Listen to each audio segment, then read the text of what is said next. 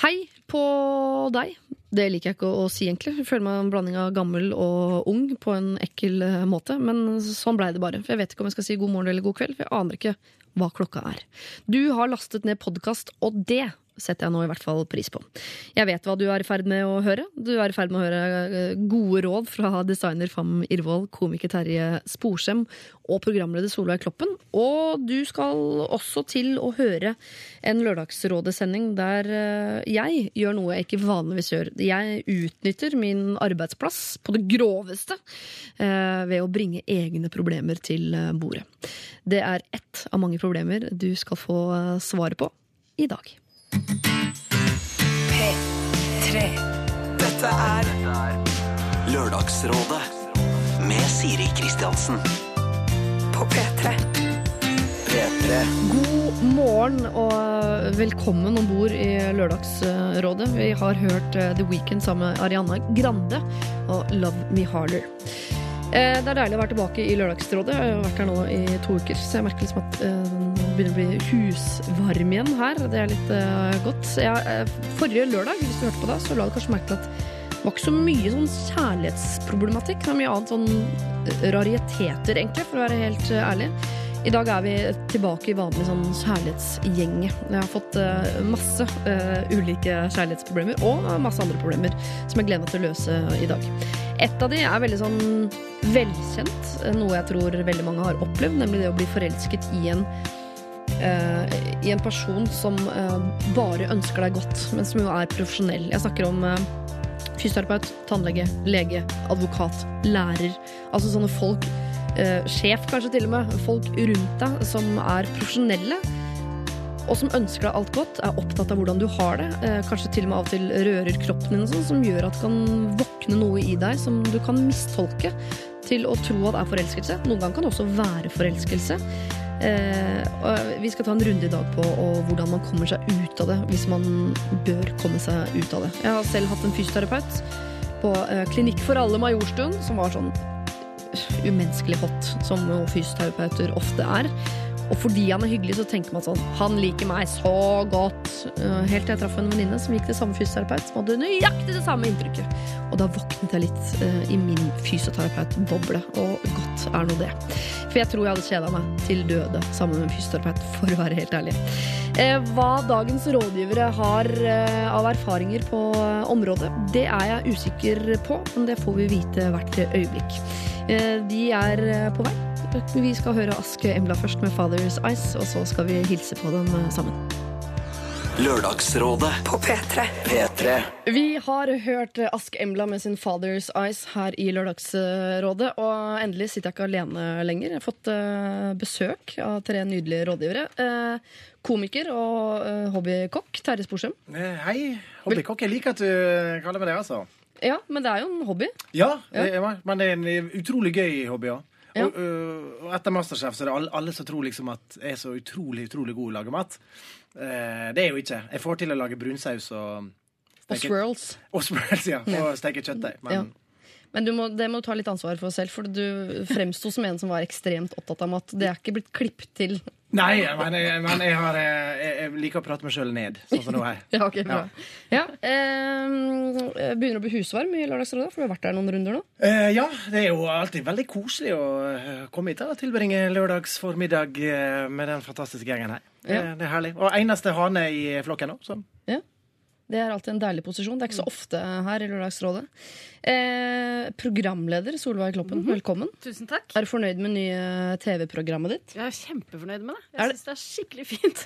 For å være helt ærlig. Ja, ja, ja, ja. Du snakker deg mer Jeg snakker meg opp, ja. Der, er, det er for å få opp seertallene, da. Mandag 20.00 på TV 2. Men var ikke det ditt drømmeprogram? Jeg mener Du sa det siste året. At Ja. jeg nå skal jeg endelig få lage mitt drømmeprogram. Ja, Ja. Da løy jeg ikke. Nei. det, var, det er helt riktig. Jeg har invitert folk hjem som jeg liker eller er fascinert av. Glad. så Ellers er jeg glad i å lage mat. Nei, nei, vi er veldig veldig lite matfokus. Og det viser seg at mange av gjestene er, er nesten dårligere enn meg til å lage Oi. mat. Er du så dårlig, da? Ja, ganske så dårlig. Og du har ikke fått pressa på deg noen heller? Sånn Ja, Inger Gjessing kan komme, men da må du ta med deg han her. Sånne pakker. Å ja, sånne Nei. Nei. Nei. nei. Eh, nei, folk har sagt ja. Og, og så er det jo veldig gøy å sette sammen folk man i utgangspunktet tenker at oi, jøss, hvordan, eh, hvordan vil dette fungere? Dette er ikke en gjeng som eh, pleier å være på middag sammen.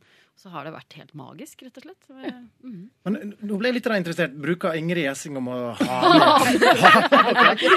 med Da må Kåre Magnus være med. Å nei! Kåre Å Magnus, nei! sånn vil vi jo ikke se på TV. Kjedelig og stygg. Eh, Fam Irvold, god eh, formiddag, eh, morgen, Hallo, hallo. og velkommen om bord. Takk, takk. Du, eh, det er første gang du er her som rådgiver. Det stemmer. Har du noen forventninger? Skyhøye. Nei, er det Jeg har altså- egentlig ikke det. Jeg Nei. vet ikke hva jeg forventer. Nei. Men du har hørt på programmet, eller? Ja, jeg har hørt, hørt og sett. Hørt og sett. Ja, det er hyggelig. Eh, Jeg tenkte å spørre deg først hva du driver med. Jeg vet at du driver med tusen ting, men akkurat nå om dagen, hva er det du driver med mest? Eh, illustrerer en bok. Barnebok. Barnebok. Ja. Og, eh, Hvem er det som skal Er det hemmelig en som skal skrive teksten? Eh, det er jo mannen. Patrick. Oi, så fint. Han har skrevet den, altså. Ja, Og så illustrerer du. har jo veldig fine tegninger. Ja, takk, takk. Ja, jeg har sett eh, de driver og selger det nede på en lekebutikk nederst i Ja, ja, ja, Bogstadveien. stemmer. Liksom. Ja. Kan, kan jeg stille et spørsmål? Ja. Du pleier å rekke opp hånden, men ja, Fordi at Er det sånn da at uh, han skriver, og så tenker han dette, dette passer til Fam? Jeg spør henne. Eller var det en avtale da han satte seg ned og begynte på den? Eller var det en idé dere hadde sammen? Liksom? Nei, han, den var jo på engelsk. Det, hva er den het? Porkchop og pink eye, eller noe sånt, på Ja. engelsk. Ja. Som var det en voksenhistorie, så gjorde han den om til barn. Og så ble vi liksom enige om hva det skulle være. Så nå har vi jo halvert, holdt jeg på å si, ordene. Og da har dere sittet sammen og tenkt Ja. hele veien? Ja. Eller nå skal ikke jeg drive og si det. Det er han som har tenkt, og så ja. Og så er du enig? leser jeg, og så er jeg enig, og Mm. så tegner jeg. Mm. Så så alle her har sine e... Altså de vi er sammen med, de jobber gjør vi sammen med? Ja, det er søren meg sant. Det snakket vi om i sted. Ja, Du jobber med mannen din? Jeg har nettopp ansatt mannen min i mitt AS. Ja. Og du tar i jobben med kona. ja kona er ansatt i mitt AS. Ja. Jeg kan jo late som om Ja. min mann er i mitt AS, At han kjører meg til og fra jobb. At jeg har kjøpt opp NSB på en eller annen måte. Jeg har investert i hvert fall litt. Grann. Både fysisk og økonomisk Og det er jo sikkert ikke lenge før de selger hele Så det, da kan man jo Ja, Da lurer jeg på om jeg skal kjøpe opp uh, eller bare en av de strekningene. Eh, dere, Vi tar opp sivil eh, sivil status alltid her i Lørdagsrådet, for ting skjer. Eh, og I dag er det en ganske satt og trygg eh, gjeng, men bare for å få det på bordet, liksom. Gift, Terje? Gift, eh, ja ja. Gift eh, fire barn. Gift og fire barn. Med tre forskjellige koner? To? Nei. Greit, jeg har vært i showbiz litt lenge, men, men Nei, eh, eh, to. To. to. ja. Så eldste er 18, og yngste er 4. Shit, ass. Oi. Det er jo et firma i seg sjøl. Det er helt riktig. Jeg skal bare vente til at det går såpass bra. Jeg skal ansette alle. Men når du begynner å bli 18 år, da kan man puste litt. Da er det sånn det, det går bra med dette barnet nå. Ja, ja det Mm. gjør det. Eh, av og til, men av og til så kommer disse problemene også. Eh, han, eh, han typen henne. Jeg mener, holy Skal jeg banke han på deg? ja, vi- Jeg banker folk for penger. Ja, det, la oss snakke om det etterpå. Det er mulig jeg hører på dette. Nei, han er en fin fyr. Han er en fin fyr. Det er for seint å si noe. Solveig! ja. Sivilstatus? Eh, eh, gift snart. Ti år. Bryllups, ti års bryllupsdag i sommer. Ja. Og fortsatt ikke fått bryllupsgaven fra Såre Sagnus Serg? Nei. Hvis Såre Sagnus Serg hører på, så har vi fortsatt den veggen som er helt tom, som står klar til å motta den bryllupsgaven. For, for han er sånn som sier 'Å, eh, det- han kommer. Jeg har han hjemme'. Kom i bryllupet, sa dere skal få i bryllupsgave skal dere få et stort eh, maleri fra meg. Eh, og det er da ti år siden. Det er greit å få med seg, for vi skal inn i et ganske lignende problem om ikke altfor lenge. Og du nevnte jo så vidt også, Fam, at du er uh, gift med en fyr som heter Patrick. Jeg er samboer med en fyr som heter Patrick, og så Ja. har jeg et barn på tre år. Som er eh, ei jente. Ei lita jente. Ei lita jente på tre år. Ja. Snakker dere om å gifte dere? Hver dag. Mest du, eller? Eh, begge to. Ja, ikke inviter Såre Sagnus Serg hvis dere har lyst til gave. Selv om alle i rommet her nå er jo ganske sånn eh, Vi er en godt voksen gjeng som har, funnet eh, vår livs kjærlighet og reprodusert oss og i det hele tatt. Men eh, dere kan sette dere inn i det der med å være singel, ha kjærlighetssorg, eh, være ung. Jeg må bare vite at dere kan det, hvis ikke så har vi et problem. Ja, ja. Alle, Ja, klart alle, det. ja, jeg har feelingen av at alle mine kollegaer i standup-bransjen er single og på en eller annen måte har et problem alltid. Så dette her er helt perfekt. Det er dagligdags for deg, dette greiene her. Helt, helt klart. Vi skal innom Sondre Justad eh, og denne låta 'Nu har du meg', og så skal vi ta tak i morgenens første problem. P3 Lørdagsrådet. på P3. Sondre Justad har sunget sin 'Nu har du meg', altså denne eh, bodøværingen, sier man det? Ja. Ja. Og jeg, jeg har sett han live. Fantastisk bra. Jeg har sett den live sjøl, jeg. Ja, har Nei, det har jeg ikke. Nå ljuger jeg. Jeg har sett den live på TV. Er det å se noen live? Jo, men det var jo live på TV. Ja, Det er innenfor, da, da, ja, da er det lov å si at man har sett den live. Men du har sett den live live? Live, live, ja. ja. Det var utrolig bra. I Bodø, eller? I Bodø, på hjemmebane. På en firmajobb, faktisk. Som Oi. kan være vans vanskelig. eh, For man kommer inn, og så er det folk i dress som egentlig bare vil bli full. Ja. Men han tok rommet og fikk alle til å reise seg, og eh, alle sang med. Det var fantastisk kult. Hvis man mellomlander i Schiphol, er det lov å si at man har vært i, i eh, Nederland da? Nei, syns jeg ikke. Nei, for flyplasser er internasjonal så- så- sone. Samme Ja, som en film. ja. Han filmer han eh, Tom Hanks som bor der. Så er ikke han i USA, men han er liksom in the skjønner. nowhere land. Mm. Ja, Ødela jeg hele det. Nei, Er mer faktabasert enn humoristisk basert. det er veldig deilig å ha sånn filmer av Tom Hanks som beviser på ting.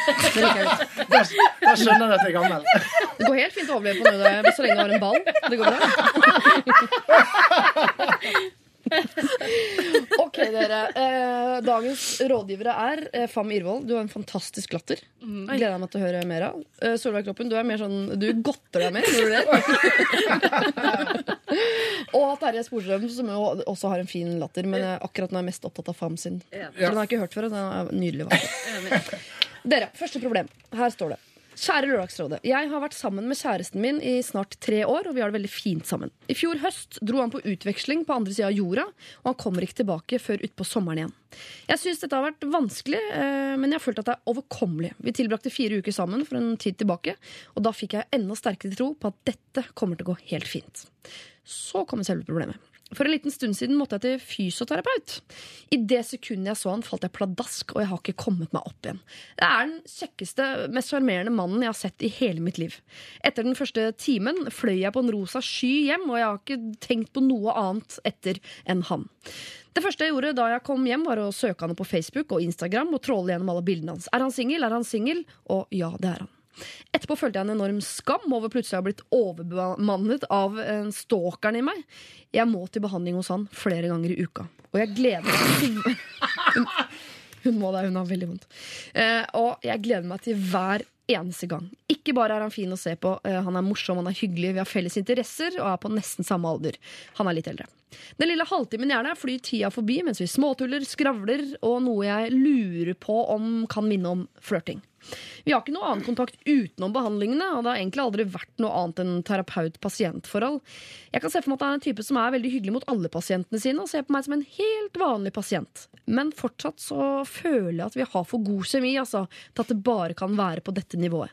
Jeg er allikevel redd for at jeg har lagt litt mer i det enn hva det er. Jeg ser på meg selv som OK pen, men jeg føler at han er way out of my league, og jeg har ikke sjans i havet. Hva skjedde egentlig? På 30 minutter gikk jeg fra å drømme om leilighet og bryllup med kjæresten min til å bli helt oppslukt av en fyr jeg nesten ikke kjenner. Jeg har aldri opplevd å gå så i bakken i løpet av så kort tid.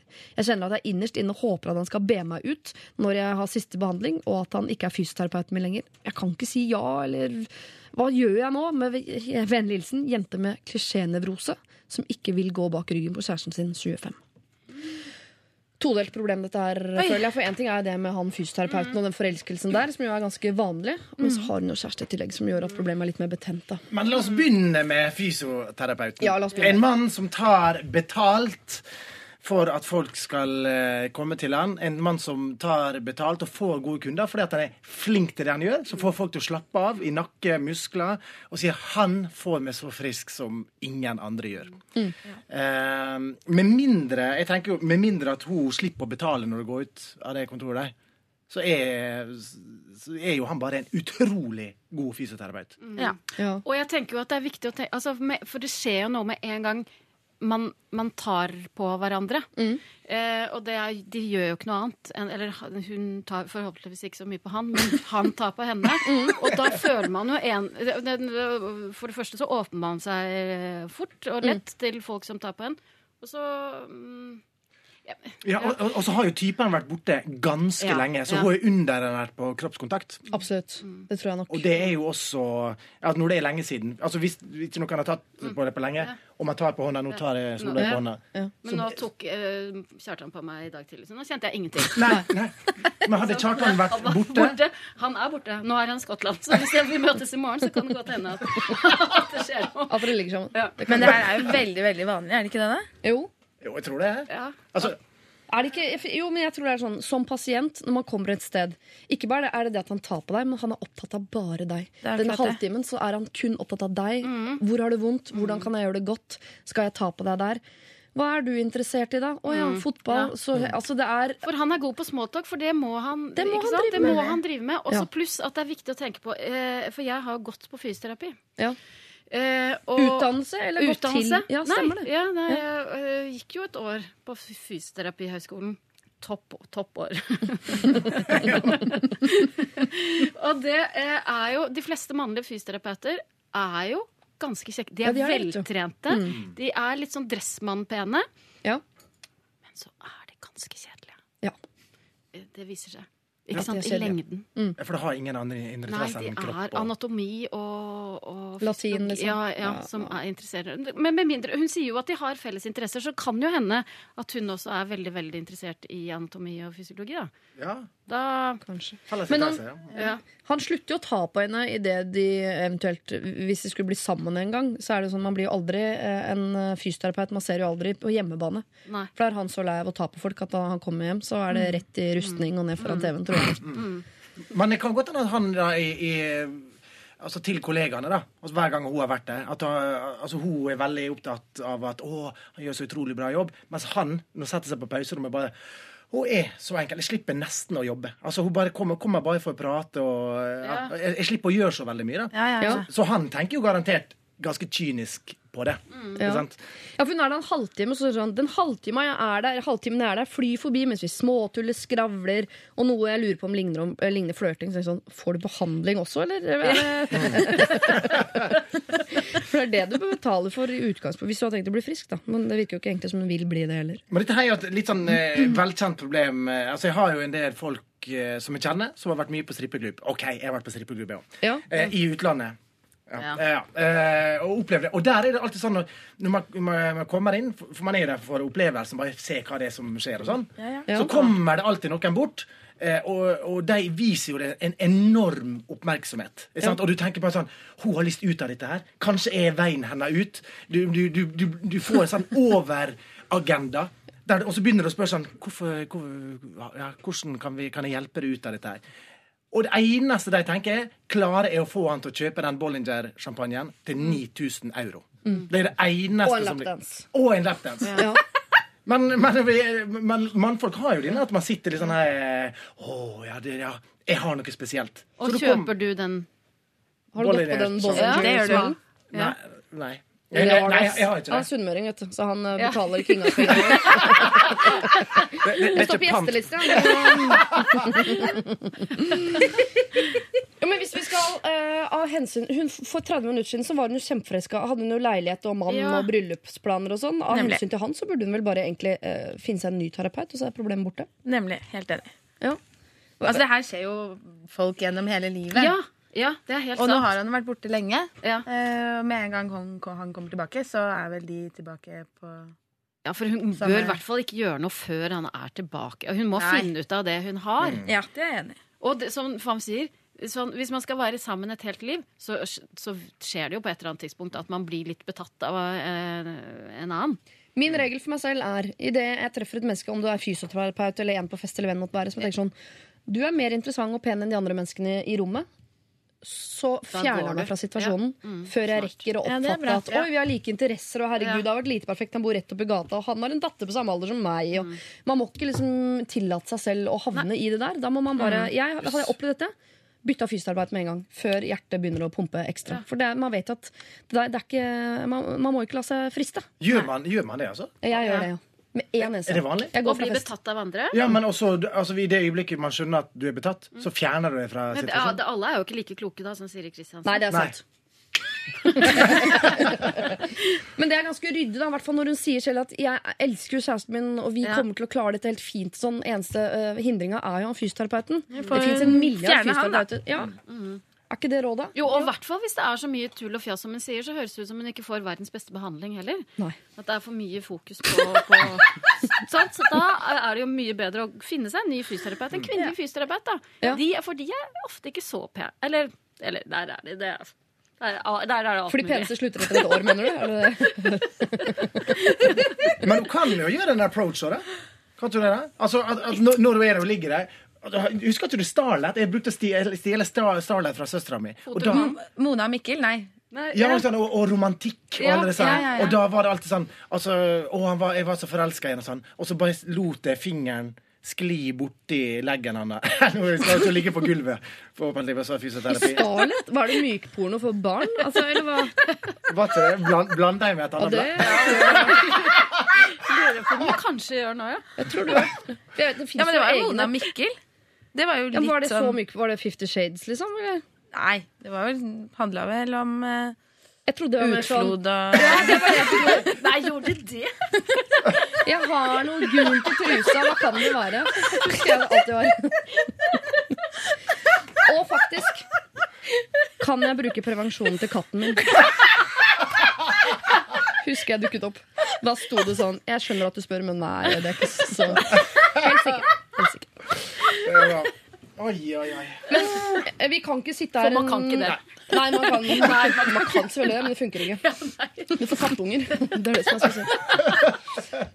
Men vi kan ikke sitte her, vi som har jo hver vår eh, nydelige kjæreste, og si at hun skal prøve seg på denne fysioterapeuten. Nei. Nei. Dette her er en crush. Dette er noe som kommer til å gå over. En fling, som vi kaller det. Eh, erkjenn det. Han var deilig. Han Ja. har tatt på meg. Eh, og så går du videre. For han som kommer tilbake til sommeren, han er mye bedre. Ja. Mye bedre. Ja. Ja. Ta med deg energien eh, eh, videre inn i eh, det forholdet du allerede er i. Og hvis ikke du klarer å bli kvitt dette, her, så må du faktisk kvitte Eneste problemet her er fysioterapeuten. Da må du kvitte deg med problemet. Eh, Og igjen, jeg gjentar, det er fysioterapeuten. Det er en milliard fysioterapeuter der ute. Skaff deg en litt sånn Ergoterapeut i stedet. ja, eller skaff deg en sånn kvapsete sånn russisk dame da, som er helt sjukt god på anatomi, men dødsdårlig på smalltalk. Og som overhodet ikke appellerer til noe sånn uh, Fifty Shades of noe som helst. Ok, eh, vi skal høre Monica Heldal og hennes eh, In Flights, og også Foo Fighters in Wheels, før vi er tilbake med flere problemer. Lørdagsrådet På P3. P3 Foo Fighters var det med Wheels, og før det Monica, Monica Heldal, som jeg liker å si, In Flight. Eh, vi sitter her og gir eh, gode råd. Hvis du ikke har sendt inn ditt problem, så blir det jo litt vanskelig å hjelpe akkurat deg, da. men det er ikke for seint. lralfakrøll.nrk.no er vår eh, mailadresse, og vi tar jo problemer fortløpende. Eller tar det med oss til neste lørdag. Og så videre. I dag sitter jeg sammen med uh, Solveig Kloppen, programleder, uh, komiker Terje Sporsem og designer uh, Fam Irvold. Eh, og vi har allerede løst en sånn forelska fysioterapeuten-floke, som er en ganske vanlig floke. Eh, nå skal vi inn i noe som jeg ikke hadde sett for meg at jeg skulle snakke om i februar. Jeg leser fra toppen. Det er veldig vanlig. Hei. Jeg er en 22 år gammel student som lurer på om det er ok å purre på julegaver. Jeg har fremdeles ikke fått julegave fra venninnen min. Ja, nå nærmer vi oss midten av februar. Da vi utvekslet julegaver, fortalte hun meg at min gave ikke var klar ennå, og at jeg skulle få den på e-post senere på dagen. Den e-posten kom aldri. I romjula fortalte hun meg over tekstmelding at hun skulle føre over 300 kroner på kontoen min, eh, men at jeg skulle få en e-post hvor det sto hva de 300 kronene skulle brukes til. Jeg har ikke fått 300 kroner inn på konto eller noe e-post med noen instrukser. Dette er ikke første gang denne venninnen har sendt meg melding på bursdag og sagt at gaven kommer snart osv. Men så kommer det aldri noe gave. Jeg burde kanskje bare la det ligge, men jeg brukte tross alt 300 kroner på henne, og jeg syns det er litt urettferdig at jeg ikke får noe tilbake. Jeg er konstant rakablakk, og jeg gikk over budsjettet mitt for å kjøpe julegaver i år. Eller i fjor, da, for å være pirkete. De 300 kronene hadde med andre ord kommet sabla godt med. Pluss, er ikke dette litt prinsippsak også? Hva gjør jeg? Skal jeg etterlyse gaven, eller skal jeg la det ligge? Med vennlig hilsen fattig og muligens gnien og litt bitter student. Står det altså sunnmøring under? Men det er bokmål, så vi kan vel utelukke det. Ja, ja, ja. Ja. Ja, det latt det ligge. Latt det ligge, bare. Ja. Hvorfor det? Jeg vet ikke, jeg syns ikke sånne ting er så viktige. Det er hyggeligere å gi enn å få. Være sånn pirkete på å få tilbake Synes jeg bare det Du er er en sånn. Det er hyggeligere å gi enn å få. Ja, men det er det. Jo, men prins, Kan du se prinsippet i det? Hvis man har en avtale at vi to skal gi for 300 kroner cirka. Den samtalen Ja, har funnet den er sted. den er Og så bare den ene altså, oppfyller ikke sin del av avtalen, egentlig. Men kan ikke hun da bare droppe å kjøpe Neste år? Ja. Ja. Det hun burde gjøre, er For det er jo irriterende. Det er jo, en, det, er jo en, eh, det er jo noen mennesker som holder på sånn og gir sånne gavekort. På, vi, skal til, vi skal til New York. eh. Jeg er en sånn. Jeg har, jeg har, har en pappeske hjemme hvor det er masse sånne gavekort til mannen min. Ja. Vi skal til New York, vi skal til København, han skal få ny sykkel. Oh, ja. Men, ha- men, men å, det, vi skal innfri altså, men vi har- Intensjonen er god. Intensjonen er god. Jeg har bare ikke sagt akkurat når det skal skje. og vi skal jo leve sammen resten av livet. Ikke sant? Og Man må ha noe å se fram til. Ja. Men det er irriterende. Det er, jo, for det er jo en måte å bare komme Det er fordi man har dårlig tid når man skal Eller dårlig råd, da. Eller dårlig råd. ja. Men det, men det kjipe her er jo da Hun er, hun er blakk. Hun, Ja. hun- Student. student. Det virker som at hun tror hun skal få cash. Hard cash her, liksom. Ja. Men det er jo kjipt hvis at du får et gavekort på 300 kroner på iTunes. Altså Du tror at alt, alt løser det. For hun sier hun skulle sende det på e-post, det skulle være instrukser. Så altså, det kan jo Nei, hun du skulle føre over 300 kroner på kontoen, og så skulle det komme instrukser på e-mail. Trenger du instrukser for å få ut 300 kroner fra kontoret? Ja, Det høres ut som en, det høres ut som en menneske som har, har lyst, men ikke som har noe gjennomføringsevne. Som tenker sånn Jeg skal booke tid på sånn Klatreparken i Tryvannskleiva. Ja. Så setter jeg ja. 300 kroner, så er det sånn Vi møtes på toppen av Tryvannskleiva. Jeg har med mat. Uh, kjøp egen inngangsbillett. Ses i toppen av grana. Akkurat er det sånn Jeg skal bare se på at, at det er nærmest en sånn uttrykk, mini-utrykningslag, og så hadde ikke de 300 kronene. Eller Nei, også, ja. Men for det, det hun kan gjøre for å, er jo ved neste, ved neste korsvei, ved neste bursdag eller julegave, så kan vår, vår venn Hun kan gi et sånt gavekart på noe helt sjukt, liksom. Ja. Vi to skal jeg reise jorda rundt et år, og jeg betaler. Oi, Ja, det er, det er bra. Skal vi det? Ja. en annen dag. Når jeg får de 300 kronene pluss de andre gavene som Men da får hun de 300 kronene, for det er jo god butikk. Eller hvis eh, hun kan gi henne en, eh, time på en til en fysioterapeut som er litt vel nærgående, som garantert kommer til å falle for. Så kan, ja. Og på den måten, ja, for da vil hun bli forelska og kommer til å bruke masse penger på han fysioterapeuten. Det blir enda mindre til vår eh, venn her som vi skal redde. Da. Ja, Sorry, jeg, jeg har ikke fått gitt deg de 300 kronene men du har gått med til fysioterapi.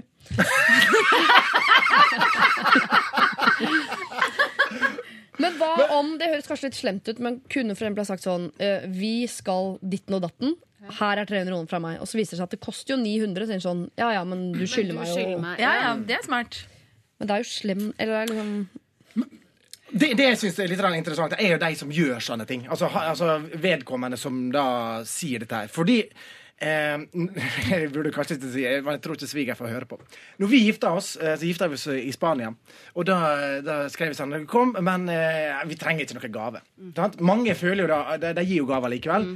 Eh, og, men svigerfar fikk jo den, og han tenkte ja, ja, men da slipper jeg å betale gave, da. Ja, Ja, eh, sånn syns jeg skal være òg. Ja. ja, syns du det? For mente dere For dere mener- Jo, jo, jo, jo. vi, vi mente, det. Syns det var hyggelig, for det er jo dyrt for å reise til Spania. Ja. Men veldig mange kom med gaver. da Ja. Ikke sant? Og Ikke sånne store gaver, men det var liksom litt sånn symbolsk. Man fikk et lite gavekort Ja, eller men vet du hva? Ja. champagne. Men da tenker jeg egentlig at det er dårlig gjort av de som kom med gave. Hvis Det synes jeg. Ja, Ja. Da kan man holde seg for god til eller Da trenger man ikke ta med gave. Ja, det, er- det er enig. Man setter andre folk i et dårlig lys. Ja, for nå virker jo svigers som en dott, ikke sant? Ja. Er det det er jo- han er ikke sunnmøring engang. Nei, trønder. Ja, Ja, ikke sant? ja, Men var det altså han var den eneste som ikke kom med gave? Eh, ja en av de få. En av de få. En av de, ja. Men eh, ja, så, så, så altså, dette med å, å ikke gi gave og, og jeg har gjort litt sånn som Solveig òg. Liksom. Jeg lager til mamma og pappa. Så jeg og søstera mi sånn Vi skal til New York. og, og nå er de så gamle at eh, de vil jo ikke til New York. så det passer jo så veldig bra. Har man da eh, lov til å si sånn Jeg orker ikke New York, jeg. kan jeg ta det ut i cash? Ja, men, altså, jeg jeg syns det her er jo en litt vanskelig situasjon, men jeg er enig med Fam. da At du bare sånn, hei, Neste gang så gir du noe nes- litt sånn nesten det samme tilbake. En dag så Her har du en trolldeigfigur. Etter At han er litt sånn kjipt, som en slags statement, da. Jo, men eh, også det eh, du sa helt sånn innledningsvis, Fam, som handler om det er jo ikke det dette skal dreie seg om. Eh, det skal jo egentlig dreie seg om at du har lyst til å gi og ikke lyst til å få. Og jeg skulle ønske vi liksom kunne være bare helt enige om, om det. Eh, og hvis eh, du som sender inn har lyst til å gi venninnen din gaver, så skal du fortsette med det. Men her er det allerede på en måte inngått en avtale om at vi skal gi til hverandre for 300. Og da er det liksom kontraktsbrudd. Eh, og da syns jeg det er helt fair å etterlyse den gaven. Ja, men, og da, Man kan jo gjøre det på en sånn eh, tilforlatelig, nesten litt sånn hyggelig måte å si 'herregud, jeg gleder meg til julegaven'. Ja. Eh, når man er ute og drikker øl neste gang. Hva kan det være? Jeg går og tenker på det. Vi skal få en e-post og 300 kroner. Hva, kan, hva er det, liksom? Ja, for kan du banne på at det sitter en venninne her også som føler seg litt dum. For hun veit om hva hun har lovt. Så hvis hun blir minnet på det, så er det jo det er ikke sikkert at det funker, for jeg har en venn som heter Såre Sangens Pserg. Men vi har tatt opp med han Solveig, og Ja. da ble han litt flau. Ja, men ikke- har det skjedd noe? Nei, det er sant, det. Det er sant. Det er ikke sikkert at det funker. Men uh, ja, lykke til. Men hvis de neste gang da er ute og drikker øl, og i stedet for å ta det opp Så øh, hvis da hun venninna som er skyldig jo øh, 300 kroner, går og spanderer Ja. Så da hun sier nå er det din runde Nei, jeg bare skriver av på kontoen, så du spanderer også neste. Så nå, altså etter to glass vin, så du skyldig meg bare 150 kroner. Ja, Men det er den kjipe måten å gjøre det på, da. Ja ja, men det er, det er Jeg også likte riktig. din måte. Ja, Ja, den Ja. syns jeg er innafor. Den litt naive. Ja. Ja, jeg tror også det, fordi det man begynner med et sånt spill, så virker eh, innsender her som en litt sånn gjerrig type, selv om Det er det, det. det er jo egentlig motsatt. Det er jo en andre Ja. som sitter og spærer 300 kroner på ikke gi gave til venninna si. Og det er ikke noe vits å liksom sette seg selv i det dårlige lyset der, selv om det er urettferdig dårlig lys. Ja, men for nå blir det ikke noe gøy for hun å gi gave heller. Ja, Nei, det her har du det! Ja. Da, da, da er gleden ved å gi bort det. Sant? Ja, er men neste år så må hun ta stilling til Vi må slutte å inngå avtaler, for det Hun må gi trolldeigfigur neste år. Ja, eller så må hun ta stilling til Jeg er en sånn som har lyst til å gi gaver, for jeg liker å gi gaver. Men, Mm. og, og så gi gaver ut ifra det. Men slutte med de der avtalene. For det skal ikke være en avtale. Nei. Nei, det skal ikke være det. Men du, eh, ta neste gang om en litt sånn barnslig iver gå inn og si sånn Å, herregud, jeg lurer på hva den der gaven er for noe.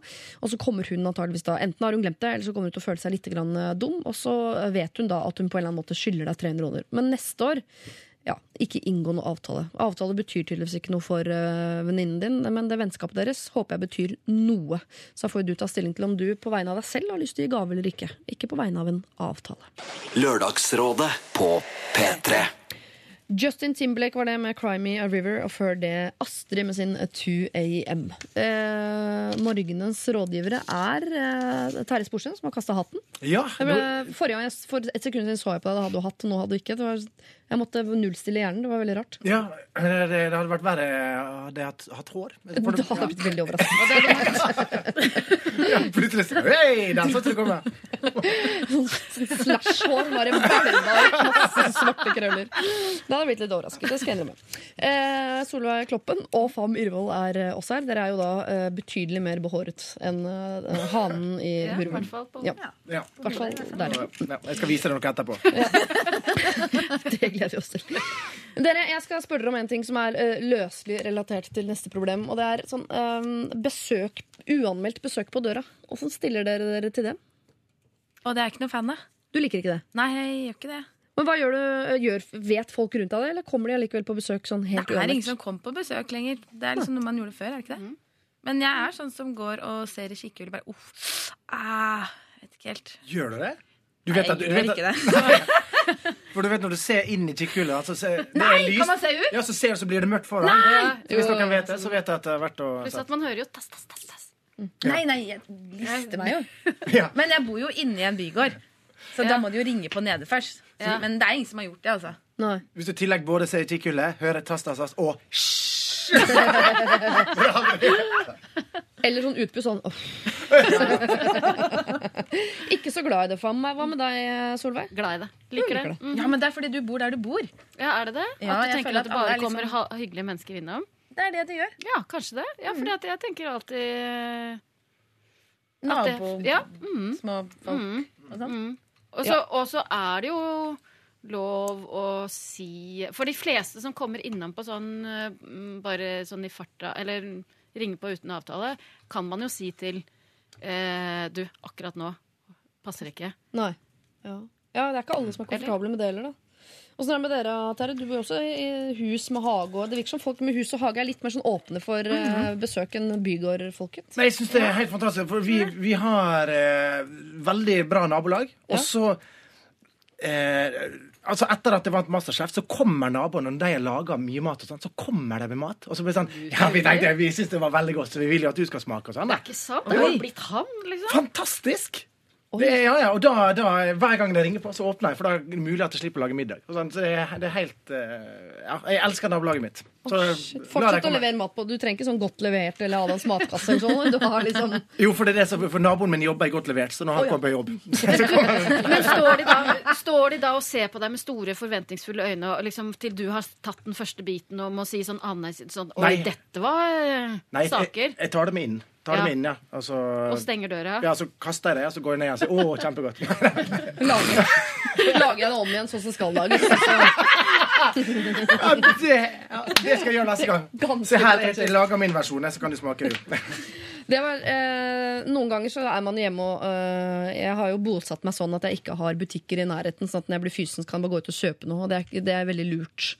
Eh, men innimellom sitter jeg jo i sofaen hjemme og tenker sånn åh, Tenk hvis det kom liksom uh, topprisprodusentene kom på døra her nå med noen smaksprøver eller noe sånt.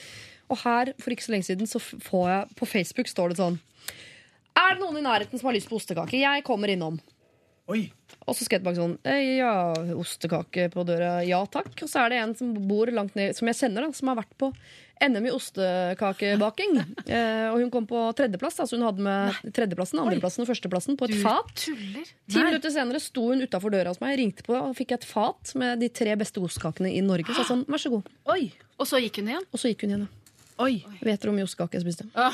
Herregud. Det er, sånn, eh, vel et år siden. Jeg gulper ost ennå.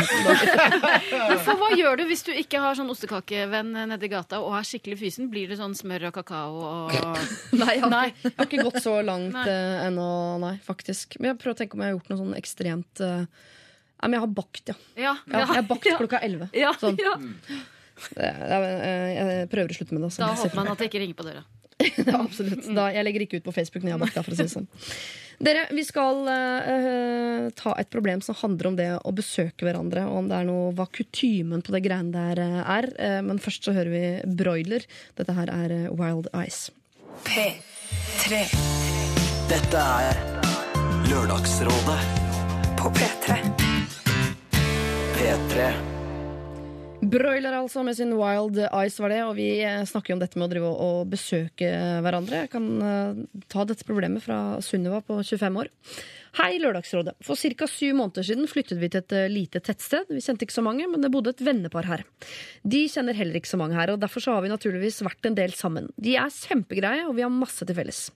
For fem måneder siden fikk jeg og min samboer en liten sønn, og for, var, for oss var det en lettelse. Eh, sorry. Jeg leser fortere enn jeg burde. Og for oss var det lettest og best å være hjemme. Der har vi alt tilrettelagt for en baby, som plass å skifte, bleier, soveplass og lignende. Nå når han har blitt større, er det lettere å dra han med rundt omkring, men øh, han har jo en fast leggetid om kvelden som er syv. Rutine og rytme er bra og betyr trygghet for babyen. Så til problemet. Dette venneparet inviterer oss ned til seg hele tiden. Da blir ikke besøket så langt eh, hvis det er etter jobb og vi må opp igjen til oss før klokka syv for å legge småen. Jeg har prøvd å invitere de opp til oss mange ganger, siden de jo kan sitte lenger eh, selv om småen har lagt seg. Og dette har jeg sagt til dem flere ganger. De kommer noen gang på besøk, men de vil helst at vi kommer ned til dem når vi skal ha sosial omgang. Jeg prøver å invitere dem opp på middag, sånn at de kan slippe å lage maten selv etter en lang dag på jobben, for jeg har jo vært hjemme hele dagen, mens de er jo slitne etter jobb antagelig. Men de sier nei da, dere kan bare komme ned hit, sier de hele tiden.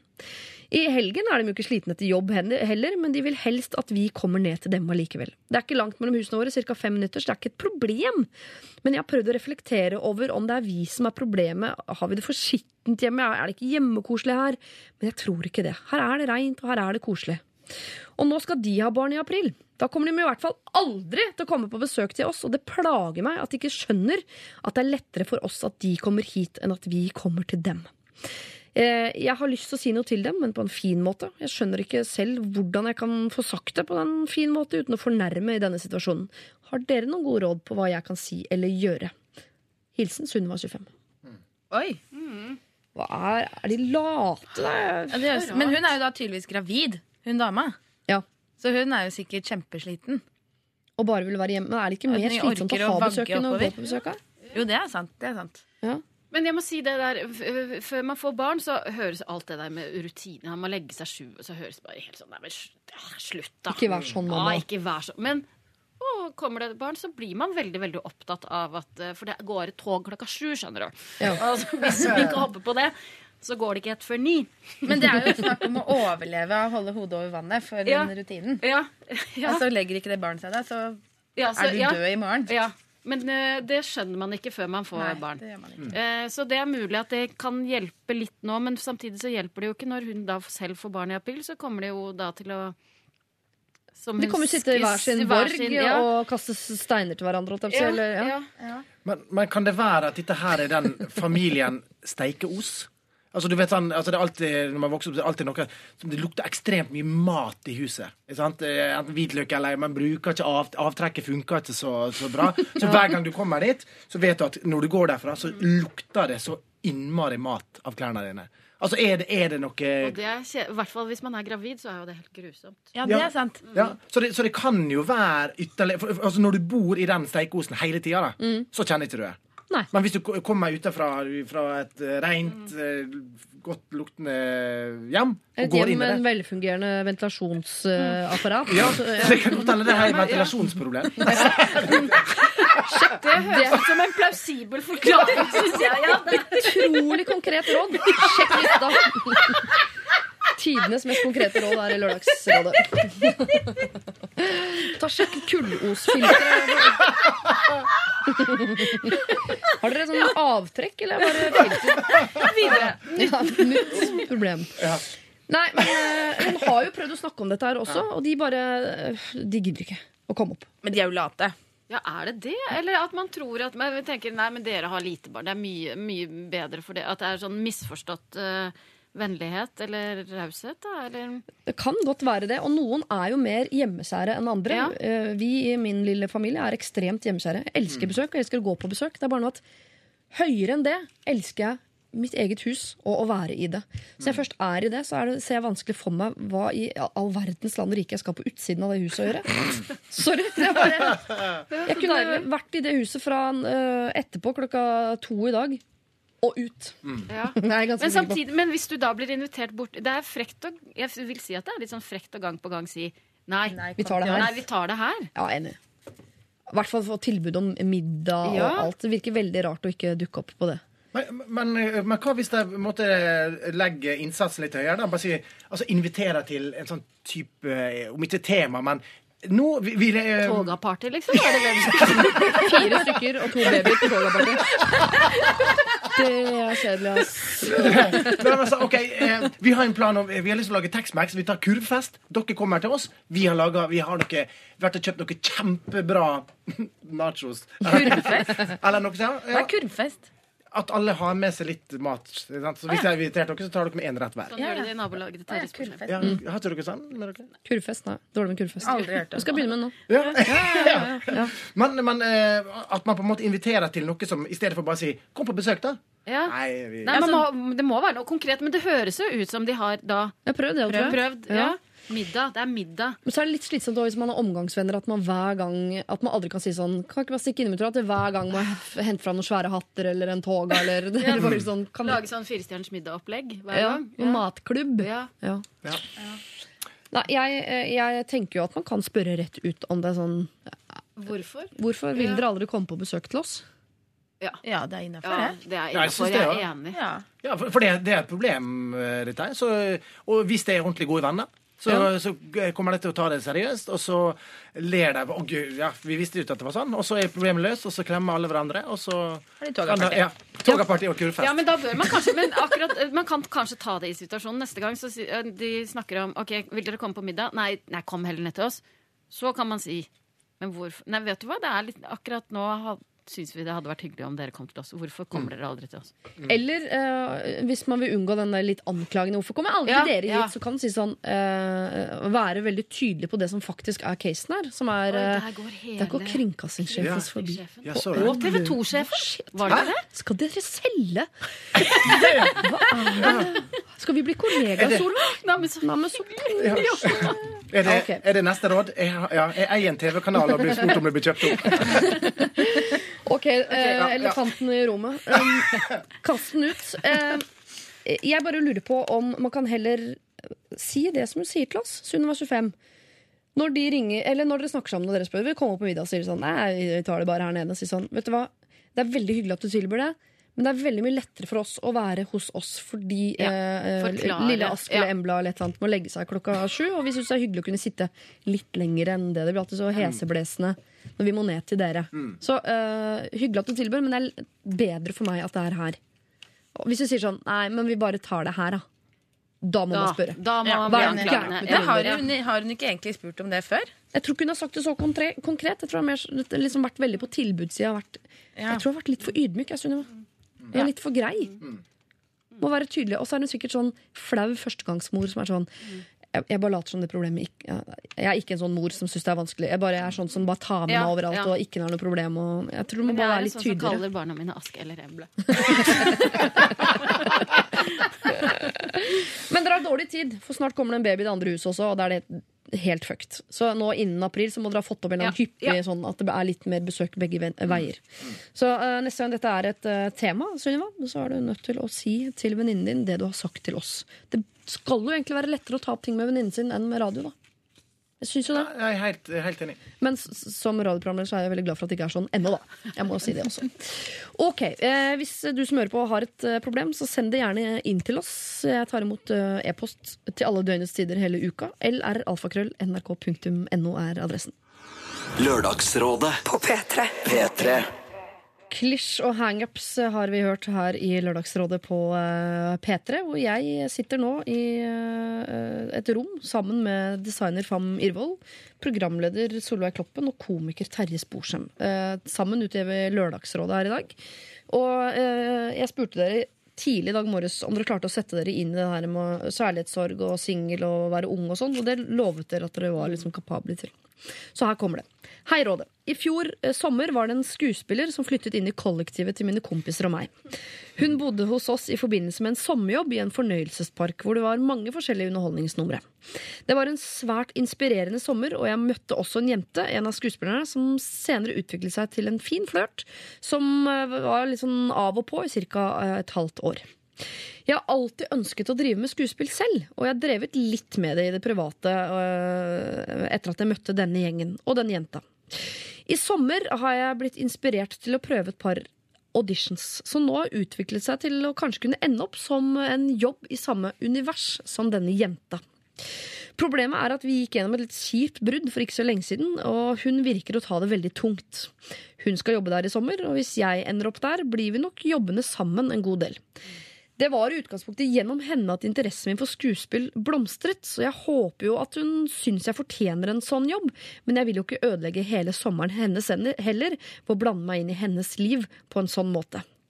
Jeg har sagt opp hos min nåværende arbeidsgiver, som er en kjedelig kiosk, for å kunne vie min tid til en sommer i underholdningsbransjen. Burde jeg bare kjøre på og gjøre det beste ut av det, eller burde jeg respektere hennes liv og jobb ved å holde meg unna? PS. Jeg kommer til å nevne det for henne uansett, men jeg trenger hjelp til å finne ut hva som er best for alle parter. Med vennlig hilsen Mulig, skuespiller Spire. Jeg liker liksom at han spør om dette. Ja, det er veldig søtt. Ja. Men jeg må bare si at så sant du ikke skal spille Kaptein Sabeltann, så er det jo liksom kanskje litt dumt å si opp uh, en jobb allerede nå, hvis du skal eh, underholde i en fornøyelsespark til sommeren. Men det er for seint å gjøre noe med, da, for han har jo sagt opp. Så det Men det er vel kanskje sommerjobben i kiosken? Ved siden av Å, ja. Kaptein Sabeltann, kanskje? Ja, det kan hende at han studerer, Ja, sånn, har hvert ja. år så jobber Ja, han i liksom, eh, Ja. kiosken på Ja. Nesset, liksom. Og så, Ja. ja. mm. La oss anta det. og gjøre Gjør i hvert fall. Problemet ja, enklere. ja. Så egentlig, han uh, har da egentlig funnet ut hva som er hans drøm i livet. Han har funnet ut nå kan jeg jobbe i et liberalt yrke, der jeg kan gjøre det ingen faste tider. Jeg kan være Svampebob Firkant eller Kaptein Sabeltann. Mm. ja, ja, som Tusenfryd, Svampebob Ja, Firkant. for jeg prøver å tenke Jeg har fortsatt lyst til å finne ut hvilken fornøyelsespark det er, og hva slags underholdning Men det er jo irrelevant, egentlig. Ja, det kan, det kan være hvor som helst, dette Det her. Det aner jeg ikke. Ja, Ja. Man har muligheten til å få lov til å prøve Ja. seg som skuespiller. Ja. Burde han følge drømmen, eller burde han ta hensyn til eh, eksen? Hvis det har gått så bra på auditions, da, så kan det gå bra Ja. på neste auditions. Uh, auditions i flertall hele tida. Men uh, um, det er jo henne.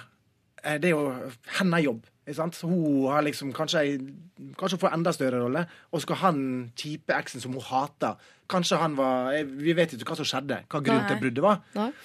Og hvis han skal hele tida være der og bli en slags altså, Vi går så inn i stalker som skal henge etter henne og skape dårlig stemning, så syns jeg han skal holde seg langt unna, og så se om det fins andre jobber i en konkurrerende fornøyelsespark. Men jeg syns han er så søt fordi han skriver inn om det problemet der. Ja. Eh, at han virker jo som en egentlig ganske jovial og hyggelig fyr. Altså, Du klarer ikke å se for deg at det brudd kan ha vært så kjipt? liksom? Jo, men jeg, jeg, synes, jeg ser ikke for meg at Dette er ikke en fyr som har på en måte eh, eh, ligget med alle venninnene dine er og filma det og lagt ut på YouTube. Altså, han, Det er ikke American Psycho her, liksom. nei. Eh, jeg syns han burde kjøre på, jeg. Og så kan det hende de liksom finner hverandre eller blir venner eller Ja, i løpet av sommeren. Men det kan jo også være det motsatte. At han er alt annet enn jovial og hyggelig. Så sender problemet. Det kan jo være at han er kontrollerende, slik han kan komme. Hørte du? Oh, ja. Vi snakka Ja, om ja, det på radio òg. Det er. At, at han Er eh, At Bateman er eh, Bateman, ja. Mm, American Psycho. Men hvis Dagfinn og Pernille Dagfinn Lyngbø og Pernille Sørensen eh, går fra hverandre Ja, Mm. Altså. Ja, bank i, bank i bordet. Og så eh, begge to skal på en standup-galla, for eksempel. Da. At Ja. de skal opptre på samme scene. Så er det jo eh, Altså, det er jo en profesjonalitet inni her òg. Jeg liker at du er så konkret på eksemplene Hvem? dine. Ja. Men, men det er det eneste jeg kommer på der det er altså, to i samme bransje. Ja. Ja. Som, Ja. eh, som Det er jo sikkert flere òg. Hvem andre som er i samme bransje? Uh, eh, Eva Nartmaker. Øyvind Ja. Blunk. Ja. Øyvind Blunk og Guri Skanke. Ja, de er jo skilt. skikkelig skilt. Men de spiller jo Jeppe på Bjerget sammen. Har gjort det nå. Og Ja. det har gått Ja, kjempebra. Ja. Men det er jo samme som Jahn Ja, Teigen og Anita Skorgan. Er Her er det de- mange eksempler på at det kan gå bra selv om det, man har det. gått fra hverandre. Ja, det Så det. det går an. Og, selv om, og dette bruddet er jo nå en, uh, for ikke så lenge siden, men til sommeren er det jo litt lenge siden. på en eller annen måte. Det er noen måneder til sommeren, så det Ja. kjipe bruddet uh, Man har ganske god tid på seg nå til å, å få bort det kjipe. Altså, Ja. Man kan jo uh, smøre maskineriet ganske mye nå fram mot eh, sommeren og være grei. Og- F altså, Og de hvis de har jo- en dialog, liksom. De hadde sommeren. jo ikke vært sammen et helt liv. Det var jo noen Cirka et halvt år av og på. med litt ja, ja. Nei, vet du hva? Da syns jeg ikke han kan la seg stoppe av, uh, Nei. av at hun kanskje kan bli uh, synes det er ubehagelig. Men hvis hun sier at det er ubehagelig, hva gjør han da? Ja, men vet du hva? Fordi at jeg tenker at det er ikke det, det er ikke hun som skal få lov til å bestemme det. Det er jo hva han Han har jo fått en sjanse som han Ja, Ja, Han må jo ta en vurdering på hva er viktigst for deg, Å prøve å liksom forfølge denne drøm, drømmen, eller å være verdens beste eks. Og jeg skulle jo øh, Jeg håper det fins noen som er opptatt av å være verdens beste eks, men hvis ikke du er det, så, så er du ikke det. Ja. Skjønner du? Mm. Men, men problemet her er jo at hun har jobba der i mange år. Eh, alle som, ja alle, alle de hennes andre arena. Hennes are- arena. Alle der er garantert på hennes side. Så før han kommer, så vil jeg si Tror ikke du han kommer? Han har følt etter meg, han var en drittsekk. Så når han kommer dit, så vil han garantert møte motstand fra hele casten i Svampebob Firkants eh, verden. og, det, ja, men, og det er jo en kjip situasjon hvis du kommer inn og skal jobbe, og du er ny og skal Du har ikke vært borti ordentlig motstand før du møter motstanden fra Svampebob. Tenk deg du tar rulletrappa opp på Tusenfryd, så står Svampebob på toppen. Da er det da er løpet kjørt. Men altså, det er han jo klar over selv også. Og Ja. hvis han da overvinner det der, eh, så fortjener han jo en plass på, som På stjernehimmelen. Ja. Men han sier jo at jeg kommer til å nevne det for henne uansett. Ja, det, er litt, det er litt vanskelig Du skal jo ikke bestemme deg uansett hva vi sier nå, så skal ikke du bestemme deg for hva som er riktig å gjøre før du har snakket med henne. Fordi for alt du vet, så sier hun sånn Du vet hva, Det det er ikke noe problem. Jeg, jeg, har, nå, jeg lå med Aksel Hennie i går, liksom, så jeg er helt ferdig med deg. Og det er helt Jeg har gått videre i livet. eh, og da, så ta den samtalen. Det er jo kjempefint at Men man så må, man, ja, så må man på et tidspunkt da bestemme seg for om hun skal få lov til å Ja, hvis hun sier 'jeg vil Ja. ikke ha deg der', så må du ta en moralsk runde Ja. på. For her er det eh, noen som mener at du bare selvfølgelig skal sette eh, skuespillerdrømmen foran det å være en god eks. Og så har vi eh, i hvert fall deg, Terje, som mener at det er fint om man tar det hensynet av hennes univers. Det kommer ikke til å bli en hyggelig for deg uansett. Og det fins andre steder å være svampebob. Ja, men, og, men det som er fordelen med å være svampebob, er jo at hun ikke Han kan si at OK, men da gjør jeg det ikke. Men, uh, og så er hun svampebob, så hun ser ikke at det er Kjempelurt. Så han må ta på kostymet før han setter seg på bussen ut i Tusenfryd. Jeg, jeg liker best å komme ferdig kledd til arbeidsplassen. Det høres ut som en veldig morsom sommer, da. For det er method acting, heter det. For da må du være svampebob hele tiden. Og la oss håpe at sommeren ikke blir riktig så varm og fin som fjorårets. da. Oi, oi, oi, oi. Kjære deg. Eh, jeg gleder meg til du har hatt denne samtalen med din ekskjæreste. Og jeg gleder meg til du sender meg en ny mail hvor du forteller, deg hvordan, hvor du forteller meg hvordan det har gått i denne samtalen. Eh, får du grønt lys, så er jo problemet løst. Får du rødt lys, ja, så kan du velge å høre på Solveig og kjøre på med din skuespillerdrøm. Eller så kan du kjøre på eh, og være verdens beste eks og finne et annet sted å være svampebob. Lykke til! Dette er Lørdagsrådet På P3. P3. Josef sammen med Lido Lido, 'Turn Up The Life' heter uh, låta. Uh, og jeg sitter her sammen med uh, to nydelige kvinnemennesker. Uh, Solveig Kloppen og Fam Irvold. Og et nydelig mannemenneske. Terje Sporsem. Nå er jeg veldig spent på om du skulle fortsette med nydelig, eller om du skulle si sånn midt på treet. Jævla hyggelig fyr. Kjære, fine Lørdagsrådet. Dette problemet har ligget langt bak i hjernen min noen år, for jeg blir så flau av å tenke på det. Innimellom trenger det seg på, og endelig kom jeg på at jeg kan søke hjelp hos dere. Her er greia. For noen år siden ble telefonen min ødelagt, og, jeg, og den måtte på reparasjon. Mens jeg ventet, fikk jeg låne telefonen av svigerfar. Det var fint. Den kunne både ringe og sende SMS. Men så tok jeg et bilde, og da skjedde det. For jeg skulle bare inn og finne dette bildet for å sende det av gårde, og da oppdaget jeg at svigerfar har ikke slettet sine bilder før han nei, lånte nei, bort telefonen. I bildearkivet lå det flere bilder av svigerfar, men ikke av ansiktet hans. Jeg vet at han har datet på nett, men jeg har jo aldri tenkt at han skulle sende og beholde bilder av sin minisviger i full vigør.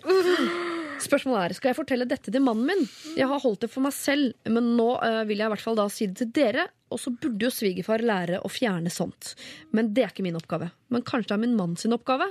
Eller? Og hvordan skal jeg få dette ut av hodet? Hjelp! Dere kan kalle meg Vera. Nei, det er helt forferdelig. Nei, ikke si det til mannen din. Du Nei. må ikke si det til mannen din. Hva skal han med den informasjonen? Han kan ikke brukes til noen ting. Nei, for det blir liksom feil å ta, sette det til med svigers og ha ja, I stedet for blomsten og bien, så skulle du snakke om smarttelefon og nakenhet. Det blir, det blir, det blir en feil Men det, det, det jeg lurer på her, hvordan i all verden Hvis du ikke ser ansiktet, du ser han bare naken, hvordan vet du at du er svigerfar? Nei da, men det blir ikke noe bedre. Altså, er, det, er det bedre? Nei. nei. Ja, altså, Nei, fordi Hvis det er bilde av andre menns penis, ja, så må du fortelle mannen din at uh, pappaen din har blitt homofil og surfer på sånn uh, veldig sånn Pornsite. Ja. Og det er jo greit, det òg, men det er jo ikke noen kul beskjed. Åh. Men hvorfor jeg skjønner, en ting jeg ikke skjønner Hvorfor må svigerfar lære seg å fjerne sånt? Nei, Jeg- jeg Nei, det er ikke hans en- telefon. ja, han trenger ikke å lære seg det. og antagelig Det så trenger han ikke å låne bort den til så mange. Så hvis hun skal si det til mannen sin, så må poenget være å si det til mannen for å ha noen å, å dele skamfølelse Eller hun må ha, Ja. fordi hun vil ha det ut av sitt hode. Men, hun får det Men det er jo bare hode. dårlig gjort. Hun får det ikke ut av sitt hun- hode. Hun gir bare han bilder også. Så blir det to. Ja, så blir det to, og de bildene er jo fortsatt på den mobilen også. Altså, men mm, ja. Og hvis hun sliter allerede flere år etterpå, hva gjør sønnen da? Ja. Og er det, noe, det er ikke noe vits at pappa skal vite dette her, eller svigerfar skal vite det heller. Nei, det for blir bare gjør jo, blir bare, alt blir bare Ja, vanskelig ja. mellom dem. Nei, hun må bare Hun må bare Bite i seg. Bite det i seg, ja. men, Ikke si bite i seg nå. Ikke si det. Må bare svelge en kamel. Det er Nei, jeg unna, så det Unnskyld, nå ga vi deg nye bilder Men, hvor, men hvorfor skal man ta Er det sånn man holder på som mann? Å ta bilde av uh... OK. eh, Det er derfor Snapchat kom. Ja. ja, ja, det er helt riktig. Eller My Story, hvis man er litt sånn Men eh, altså, jeg, jeg har jo en del kollegaer som gjør dette der. Som er, altså folk som er og, Såre radio, for eksempel. ja, ja, blant annet. Og, Ja, um, og, og Setil Sefske. Ikke sant? Ja, And the list go on. Ja. ja, eh, eh, det, er direkte, ja, så vi kan ikke klippe heller. Nei, men eh, eh, Og eh, svigerfedre blir jo på en måte yngre og yngre. ikke sant? Så man er jo fortsatt litt sånn fri og Blir svigerfedre yngre og yngre? Ja! altså, men, ja, men, altså sånn altså, er, Å ja, i sinn. I sinn, ja. Ja. Ikke sant? Ja. Så når du har sett en trend, da, ikke sant? og så står du du- etter å ha dusja, du ser ok, jeg er fortsatt litt ungdommelig, så, så, og du har smarttelefon, Ja. så det er sikkert noe som altså, Som CT tenker Ja. i, I en viss posisjon så tar du et bilde, og så tenker du ja. Men du sier mann. Altså, ja, for det er, va det er vanlig å gjøre det. Har du gjort det noen gang? jeg, jeg, Ja. jeg har tatt et Jeg bilde. tror ikke det er så vanlig blant damer. Nei, det Eller jeg er. Men det, bare, men det, det har liksom vært på sofaen og så har jeg sendt kona nede. Jeg, Ja. jeg sender er ikke det så langt. Ja. Det er korte SMS, Ja, liksom. så sånn sett, så altså, Det, skulle vært billigere, syns jeg. Det har jeg alltid tenkt. Ja. Du sender SMS bare en etasje ned. ja, men takke seg til. Jo, men eh, vi kan jo ikke Det er vel ingen her, helt ærlig, folkens, som mener at svigerfar aldri skulle ha tatt de bildene. At han er en fæl fyr. Det eneste her er at de bildene har festet seg på netthinnen til eh, Vera her. Og det må, altså det må vi på en eller annen måte prøve å bli kvitt. Men jeg tror ikke veien som dere sier er å gå og, og gi bildene også til sin mann. Det er Det- ikke problemet. veien å er problemet er- bare større. Ja, veien å gå er for Vera å bare tenke at neimen, så koselig for svigerfar. Både at, at han dater, og at han har da tydeligvis At det fungerer. Selv Ja. om han begynner å bli en eldre mann. Ja. Um, For hvis han dater på nett, så tenker jeg sånn Han har vel møtt en dame som har spurt om å få se bilde av te- penisen. Det er ikke sånn at de slutter å være opptatt av hverandres uh, kjønn fordi om de er oppe i Nei. åra. Nei. Nei, Svaret tvert imot, vil jeg nesten påstå. Ja, jeg syns vi skal applaudere han, som, Ja, som tør å være åpen om at han fortsatt At han har en penis. ja, ja. Han har en penis, og han har en seksualitet. Ja. Og vi lever i et samfunn der vi skal omfavne vår egen seksualitet. Og han er en moderne mann som uh, bruker moderne hjelpemiddel for å få seg ny dame, for han er singel. Ja. Ja. Så dette her er, vet du hva, svigerfar. Jeg mener frem med kuken oftere. Men lo- ja. Vi er enige om det. det. Vi har til og med applaudert, og da er vi per definisjon enige. Men øh, hvordan skal Vera få bildene ut av hodet sitt, da? Er det, noe, er det noe som heter noe triks der? Nei, jeg tenker at se på Tefke sine i stedet. Ja, ellers så kan man bare Fordi at jeg husker at da, da eh, vårt eldste barn, Albert, eh, var nyfødt, så, hadde jeg, så fikk jeg hele tiden sånne bilder i hodet. Det var jo ikke ekte bilder. Men jeg så for meg at jeg skulle miste han eh, i, ned trappa. Ja, jeg gjorde det en gang òg. Uff. Ikke med din sånn, altså. Det var bra. oh, ja. men, men, og de bildene kom veldig ofte sånn Oi. Men da lærte jeg meg til å akseptere de bildene. Bare si hei til det bildet, og så, og så, og så sende det videre igjen. Jeg tror hun må bare sånn Oi, hei, der var bildet av svigerfars penis. si hei, og så, og så ha det. Og så forsvinner det vel med tider. Selv om Ja. jeg tenker at Når hun treffer svigerfar, så får hun sånn lite flash av penis. og Så, Ja. ja. Ja, al- ja, alternativet er å se på bilder mye oftere, slik at du blir vant til det. Sånn som vi, Når vi ser på nyheter, Ja. ikke sant, så ser vi bilder av krig, elendighet, folk som dør. Ja. Man blir etter hvert Nummen. ja, nummen. Så hvis du hver morgen starter med å se bilder av Ja, men svigerfar naken tror du hun fortsatt har det etter hans- at hun tok en print? I så fall må jeg spørre for låne telefonen om igjen. Så Og hun har jo eh, Det blir veldig gøy når han får seg dame, så har jo de virkelig noe de kan snakke om. Icebreaker. Yes, du har jo møtt mini- oi, oi. Nei, dere, jeg er helt enig at her eh, det, Dette er Altså, Det er fint at han har tatt bilde av penisen sin. Det som er dumt, er at du har sett det. Og det var, eh, får vi bare anta, ikke meningen, for da har vi et helt nytt problem. Og da må vi sette av et helt program, antageligvis. Eh, så det du må, er å si hei til bildene når de dukker opp. De kommer til å dukke opp sjeldnere og sjeldnere i grunn. Og kanskje du skal finne et bilde, mentalt bilde av noe, noe fint som du erstatter det med hver gang. Så du vet at hver gang jeg ser bilde av penis, Så kommer det rett bak også- kommer det bilde av en cupcake. Ja. Eller pynte det bildet. ikke sant? Dekorere penisen Ja, med blomster. Ja, eller eh, også se masse penisbilder, sånn at du skjønner at det er bare en penis i, eh, altså, i velle av peniser. Så er det der også bare en penis. For det er vel ikke noe overraskelse at svigerfar også har en penis. Det er jo ikke, det er ikke noe som er gærent her, og det var dumt at du så det. Uh, lykke til, uh, Vera. Altså, si hei til bildet, og fort. Fort, fort, fort så må du erstatte det med et annet bilde. Og ikke på noe som helst måte involver din mann i dette, og ei heller din svigerfar. Dette er dessverre et problem inni ditt hode, og der kommer det til å bo for bestandig. P3 Lørdagsrådet på P3. Gabrielle med 'Bordet', hennes eh, vel første hit, så vidt jeg kan eh, huske. Og fortsatt en eh, Jeg lurer på om det er min favoritt, faktisk. Jeg er kanskje på en god andreplass av Gabrielle-låter. Hun er så bra. Hun. Ja, altså. Har dere sett henne foran på Stella-magasinet?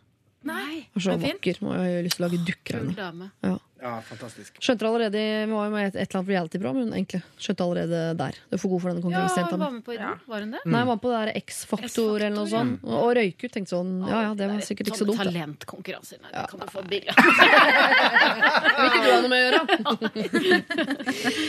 ok, Solveig Kloppen, Fam Yrvold og Terje Sporsem. Eh, her kommer et eh, problem som kanskje kan virke som et filleproblem, men eh, tenk litt på prinsippet i dette her.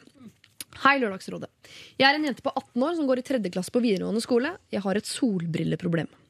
For ca. ett år siden var jeg i 18-årsdag hos en venninne, og jeg klarte å glemme igjen jakke, solbriller og lommebok. Venninnen min leverte tilbake jakke og lommebok, men ikke solbriller. Dette er en venninne som jeg ikke lenger har kontakt med pga. en del drama på kjærlighetsfronten. Kort fortalt, Hun gikk bak ryggen min med en gutt som jeg hadde en fortid med, og de endte opp med å bli sammen. Det har ordna seg til en viss grad, men det har vært kleint mellom oss siden det skjedde, og vi har derfor nesten ikke kontakt. Jeg er veldig glad i de solbrillene som venninnen min har liggende hjemme hos seg. De er ikke dyre, de kosta ca. 50 kroner, men jeg kan ikke lenger få tak i noen som ligner. Vi har planlagt flere møter slik at jeg kan få tilbake brillene, men disse møtene har av ulike grunner aldri blitt noe av. Her om dagen dukker det opp et bilde på Facebook. Der er eh, det bilde av eh, denne venninnen og en annen bedre venninne av meg, og hun har på seg disse solbrillene. Og det er mine solbriller. Jeg ser gjennom våre samtaler på Facebook, der jeg har prøvd å få tak i brillene mine. eh, Og første gang jeg spør etter dem, så sier hun at de ligger hjemme hos seg. Men så senere så sier hun at hun ikke har dem. Her kommer spørsmålene mine. Bør jeg bare glemme de fine solbrillene mine for alltid? Skal jeg kommentere bildet med en slags konfrontasjon? For eksempel, hei, det der er jo mine briller. Eller skal jeg spørre min venninne på en privat melding om jeg kan få dem tilbake? Dette er først og fremst kleint fordi det er et år siden, og fordi venninnen min har uttalt at hun ikke lenger har disse brillene.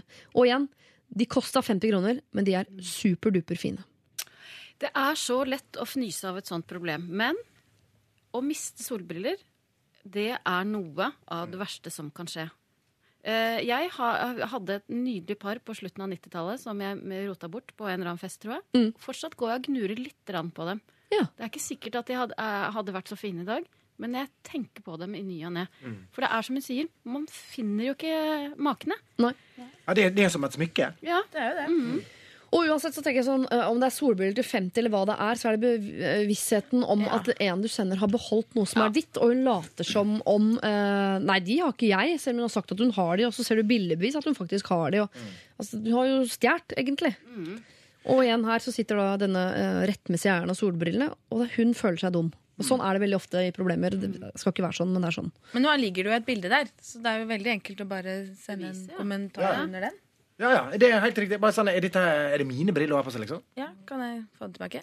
Ja. Men se for dere typisk sånn Det er tre jenter involvert her. Ja. Og det er typisk sånn tre jenter, og det er en gutt også egentlig litt involvert. Så det er ikke helt, det er ikke helt tilfeldig at du nevner det med han gutten og gikk bak ryggen og sånn. Og det er hennes nære venninne, hennes eksvenninne, og det er disse solbrillene. Og man vet jo hvor stygge jenter er med hverandre. Hvis hun som eier brillene sier, kommenterer Hei, er ikke det mine briller? Så kan de to andre gå og si sånn Herregud, så jævlig opptatt hun er av de. De koster 50 kroner! Hvor nerd Ja, går det an å be? Og så har vi det gående. Men, men det var hennes gode venninne som hadde solbrillene på, På seg, ja. Men er det ikke enklere å få de fra henne, da? Ja, Så henne burde jo være mulig å snakke med, eller? Ja, det virker det jo. da. At du sier, hvor har du fått de solbrillene? Ja. Og så sier hvis jeg, jeg fikk dem med Annika, eller hva det måtte hete, så er jo saken klar. Ja. De er egentlig mine. Ja, ja, ja. Altså, hvis ja. du har fått, for, ja, for hun leverte det aldri tilbake, og er jo en god venninne, så skjønner jeg jo saken. da. Ja, og det virker så, ikke sant? For de har avtalt noen møter for at uh, denne overlevering skal skje. Så hun har jo innrømmet at brillene er der. I hvert fall vært der. Ja, Først Ja. sier hun ja, jeg har de, og så sier Ja. hun nei, jeg har dem ikke lenger.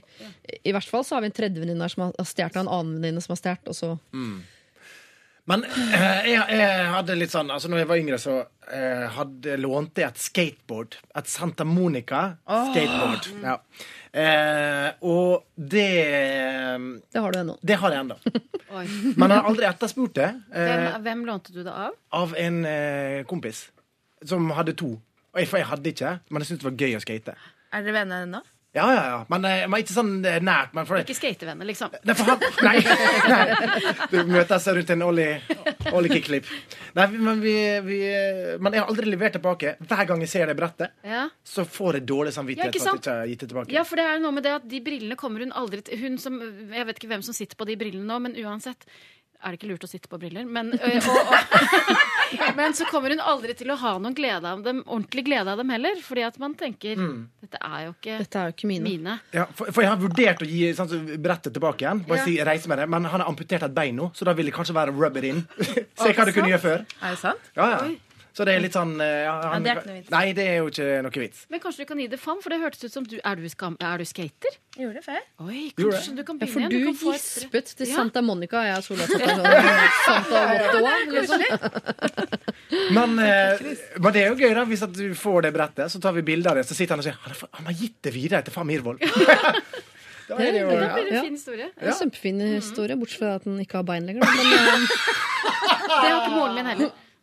Hold på. Ja, det er sant. Det kan ikke bare si sånn. Jo, men det er helt sant. Nå sitter jeg og føler meg dum. Nei, nei men, det, men det, og hun tuller masse med det. Hun har til og med et dørskilt som hun har malt selv, hvor det er bare en dame i bunad med bare ett ben.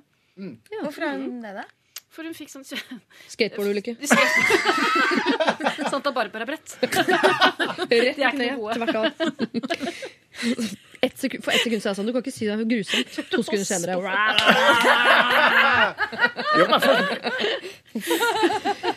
Men ok, la oss gå ut fra at denne venninnen ikke har blitt blind siden sist, og at ikke vi har de der eh, på toppen av det hele her. Eh, har vi gått bort fra å kommentere på Facebook? Altså, jeg hadde gjort det.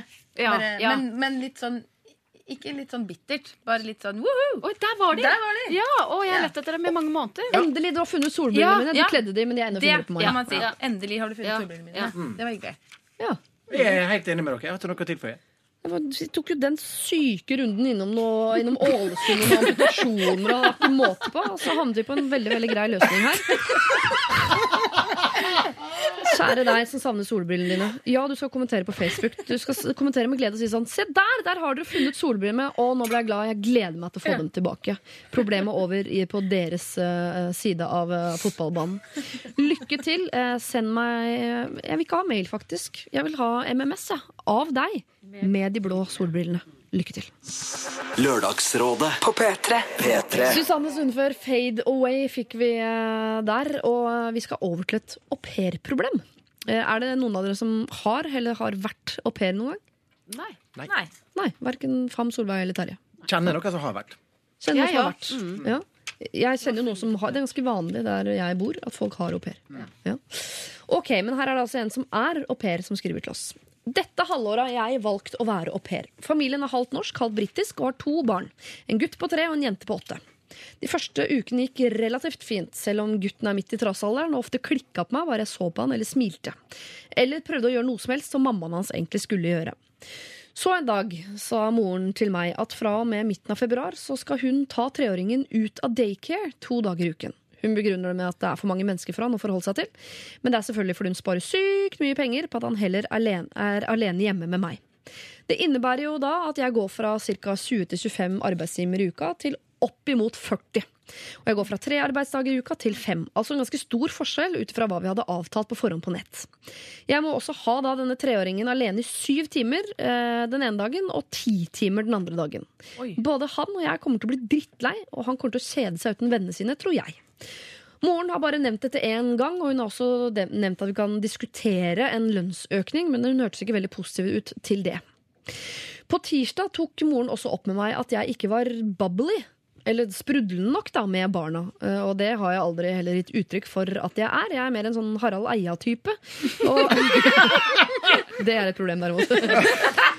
Og barn har aldri hatt problemer eh, med dette før. Barn pleier å elske meg, helt seriøst. I tillegg avtalte vi at jeg skulle få kjøre bil når jeg var her. Men da jeg kom, sa de at forsikringen ble for dyr, så jeg går nå fram og tilbake til skole og barnehage istedenfor. Det tar ca. to og en totalt hver dag. Hva? Jeg tror det vil være mulig å finne en ny familie innen ganske kort tid, men eh, jeg vil få veldig dårlig samvittighet. Da vi avtalte arbeidstimer, avtalte vi også at jeg skulle bli her til slutten av juli, så hvis jeg ditcher dem nå, så må moren faktisk kanskje måtte ta permisjon eller slutte jobben sin. Men vi har ikke skrevet noen kontrakt, noe jeg i utgangspunktet syns er litt rart. Kan jo være negative sider også ved å bytte familie. Det er aldri lett å bo så tett på noen du ikke sender, og jeg vil garantert også irritere meg over ting der. I tillegg er det jo stress å gå gjennom hele søkeprosessen på nytt, flytte til nytt hus, kanskje til og med ny by. Og familien jeg er hos nå, er jo snille, og barna blir bedre og bedre. Og jeg har fått et veldig bra nettverk av venner her i denne byen. Uh, med vennlig hilsen Hanne. Å, shit, der var det så mye å ta av. Oh, herregud, det var så Ja. mye. Åh, Hvor skal vi begynne hen, da? eh, Ja, for- for- jobbmengde. Ja, for der, der er det jo klare avtaler. Altså Hvis hun er en del av uh, aupairforeningen, jeg vet ikke hva altså, Hvem, hvem er liksom hovedtillitsvalgt i Europeerforbundet? Jo, men det er jo men de, de, de, de kan jo ikke bare utnytte De kan ikke eh, plutselig gi henne 40 timers eh, Det, Enig, det er jo kulturutveksling. Vi har ikke noe kontrakt, men det må vel Ja, men- være ja. Siden det er søknadsprosess, Ja. så er det vel en eller annen forening som sørger for at det er en kontrakt hvor det står antall timer og Ja. lønn og Og der er det jo der er det, det er ikke 40 timers arbeid. For det er jo kulturutveksling i utgangspunktet. ja. Uh, Men hun heter Hanne. Hva kan nasjonalitet være? Er hun norsk? Hun er norsk, ja. Og så bor hun et sted Jeg har eh, kortet ned denne, eh, dette programmet betraktelig. Lid, som det heter. Eh, hun befinner seg i the UK et okay, eller annet ja, sted. ja, ja. Hos en norsk-engelsk familie. Ja. Men det er jo ja, som dere sier, det er jo litt sånn klare, klare avtaler på dette. Med mindre hun er der og jobber svart. ja. Men det tviler jeg jo på. Ja, det gjør hun nok ikke. Hun snakker om en søknadsprosess, Ja. og det pleier, den pleier ikke å være så omfattende i, i svarte søknadsprosesser. For å si det sånn. Det har jeg ikke hørt så mye om. Ja, så da burde hun jo gå til aupairforeningen og si hei, dette er i ferd med å skje. Dette, mm, kan, dette er jo ikke lov. Men hva er resultatet da? Da blir det skikkelig dårlig stemning i den familien antagelig. Men det blir det jo uansett. Uansett. Ja. Altså, hun ber jo om mer penger, som hun selvfølgelig skal ha. Ja. Ja. Og stakkars den kiden også, som må henge med henne, bare henne. Men jeg skjønner jo moren også, for i England så er det jo helt sjukt. Det koster jo 12 000-15 000 å ha barn i barnehagen der. Oi. Gjør det det? Pund? Nei, da, nei sånn kroner, vel. Men Ja. ja, ja, nei. 15 000 pund i måneden. Lykke til. nei, men det er jo koko dyrt. Ja. Men eh, altså, hun, hun har hun har, tar det opp sjøl, så får hun dårlig stemning. Hvis du får noen til å ta det for seg, så blir ja, Men gjør det det? Altså, det, er jo, det er jo litt som altså, en jobbsamtale. Så Ja, har du, sant, sant. du har noen som eh, Vi vil ha høyere lønn, vi vil ikke ta det sjøl, så vi får fagforeninga til å ta det. Men jeg ville tenkt som mor i familien at sånn, kunne du ikke komme til meg med dette? Ja. Må Ja. vi involvere Ja. han fyren i dress fra Birmingham? Altså, kan vi ikke bare, kunne vi ikke bare snakket om dette her?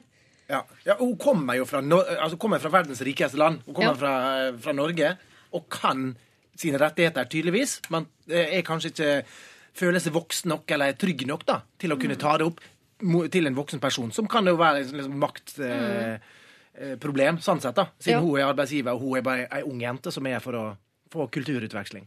Men det er jo ikke noe mer tid igjen til kulturutveksling. Nei, nei. Jobber jo 40 timer i uka og Ja. går fram og tilbake. Det høres ut som sånn middelalderproblem. Ja, Gud. Men den med det å gå også. Den to og en halv time hver dag. Nei, Ja, ja. det går jo til. Til Nei, og fra Nei, så jeg ville jo ikke hatt noe dårlig samvittighet overfor den familien. Nei. Hvis, hvis, hvis hun velger nå å, å søke seg annen tjeneste. Nei, men Kan hun ikke gi den familien en sjanse først? For jeg tenker Hun har et, fått masse venner og sånn i den byen. Ja, ja, ja, det letteste må jo være å få lov til å bli der. Men da mot en eller annen økonomisk kompensasjon som er høy. Ja. Eller eh, mindre, mindre arbeid, mer bil. Det høres jo ganske irriterende ut, hun eh, moren som sier at hun ikke er bubbly nok. Jeg også hadde klikka helt Ja. sykt Ja, ja. på det. Tenk, hva, hva, hva hadde Harald Eia sagt hvis noen hadde sagt til ham du er ikke bubbly nok? Rett, rett fram i skrukken. Men du blir jo ikke noe mer bubbly av det heller. Hvis du får beskjed om sånn, du må bli mer bubbly. Da er det lett å bli bubbly. Ja, ja, Da hadde jeg blitt så sur. Ja, sånn falsk bubbly folk. Ja. Det- Men jeg hadde bytta jobbplass, jeg.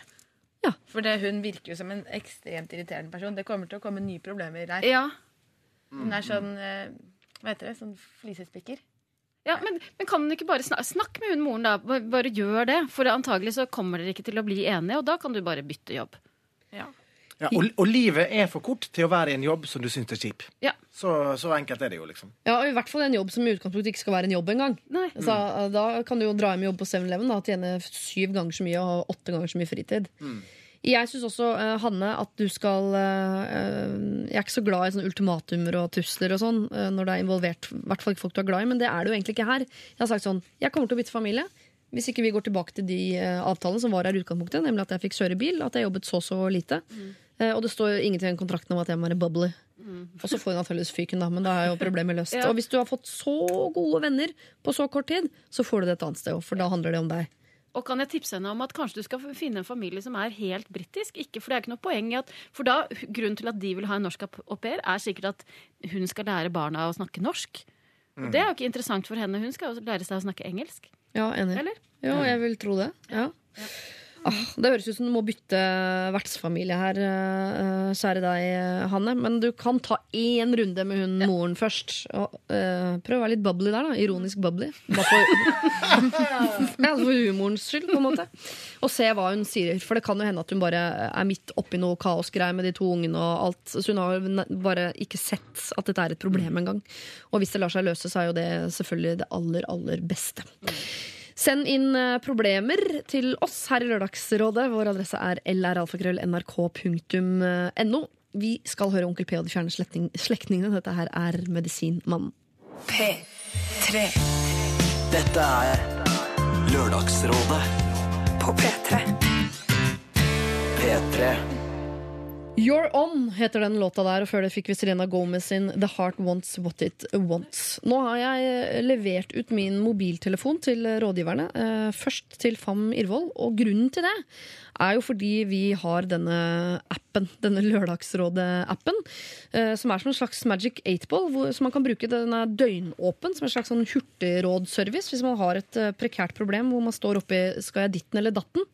Så kan man trykke på et eh, bilde av eh, meg, rett og slett, og så får man opp eh, det svaret man trenger. Hva lurer du på, Fam?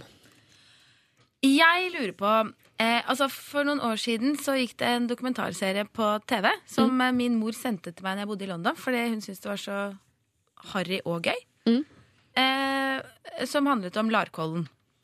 Campingplassen Campingplassen Larkollen. Campingliv. Campingliv, ja! Oi. Veldig engasjert på den. Eh, og da lurer jeg på uh, om jeg skal reise dit i sommeren eller ikke. Ja. Trykk meg i fleisen. Jeg skal trykke deg i fleisen. Men man har du ja, også med kode. klarte å lå, låse den Vent, skal vi se. Vi kan teste den koden. Han har vært der så mange ganger at han kan koden din høyt. Nei, ikke høyt. Jeg ville absolutt ha dratt dit, men det, jeg er ikke ja. Har, har du vært på camping før? Nei! Aldri? Jeg har lyst på sånn dress og øl og sånn. Så du må til Larkollen for å få drikke øl og dress?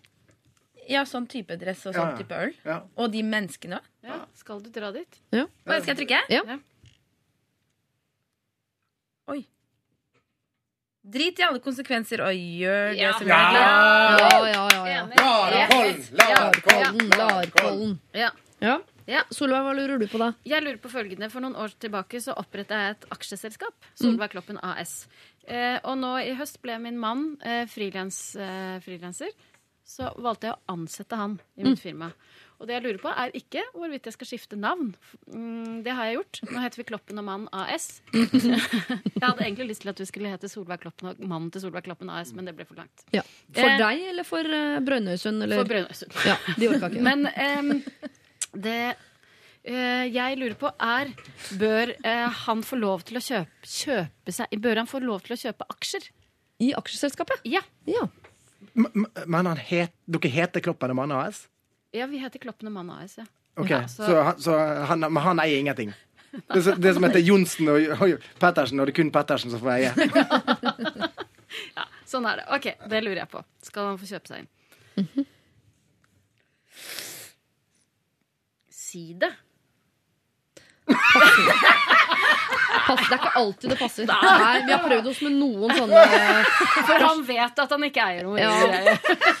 Vi må legge inn noen sånne, for tenk, tenk så gøy den dagen. Det passer så innmari. Ja, Ja, ja? Ja. Ja, så det var jo, Ok. ja. Men så skal du ikke prøve en gang til? Du kan godt prøve en gang okay, til. Ja. da prøver. Ja. Gresset er alltid grønnere på den andre siden. Det er en kjempebra app du har laget. Ja, den er eh, ikke så dum.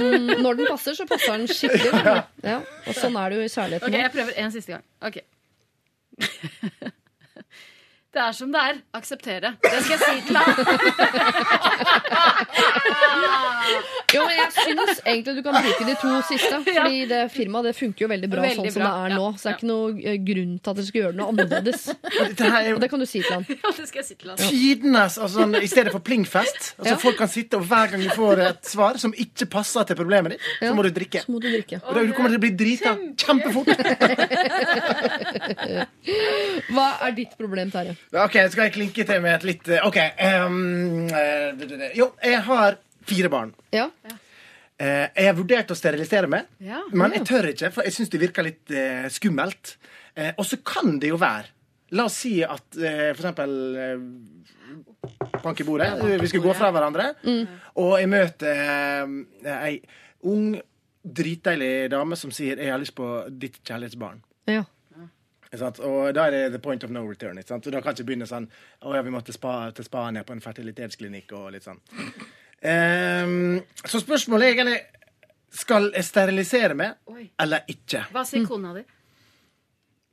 Eh, jeg har ikke spurt henne. jo, men jeg tror, jeg, jeg tror kanskje før at jeg har, er enig i at jeg har nok barn. da.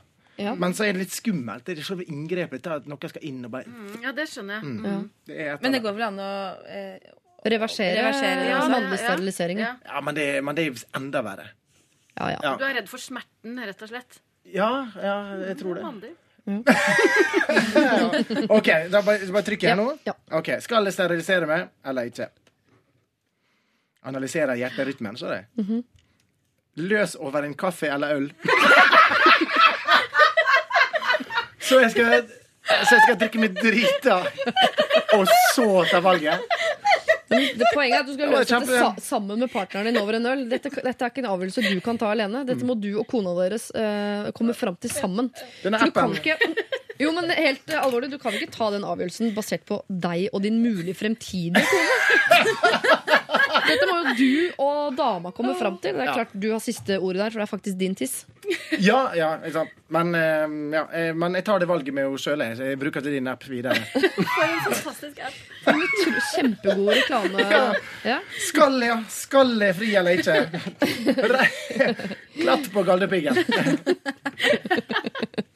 Jeg ler eh, ut, men jeg gråter egentlig inni meg. Eh, så tusen takk for det. Eh, vi går videre med Gabrielle og hennes eh, bordet.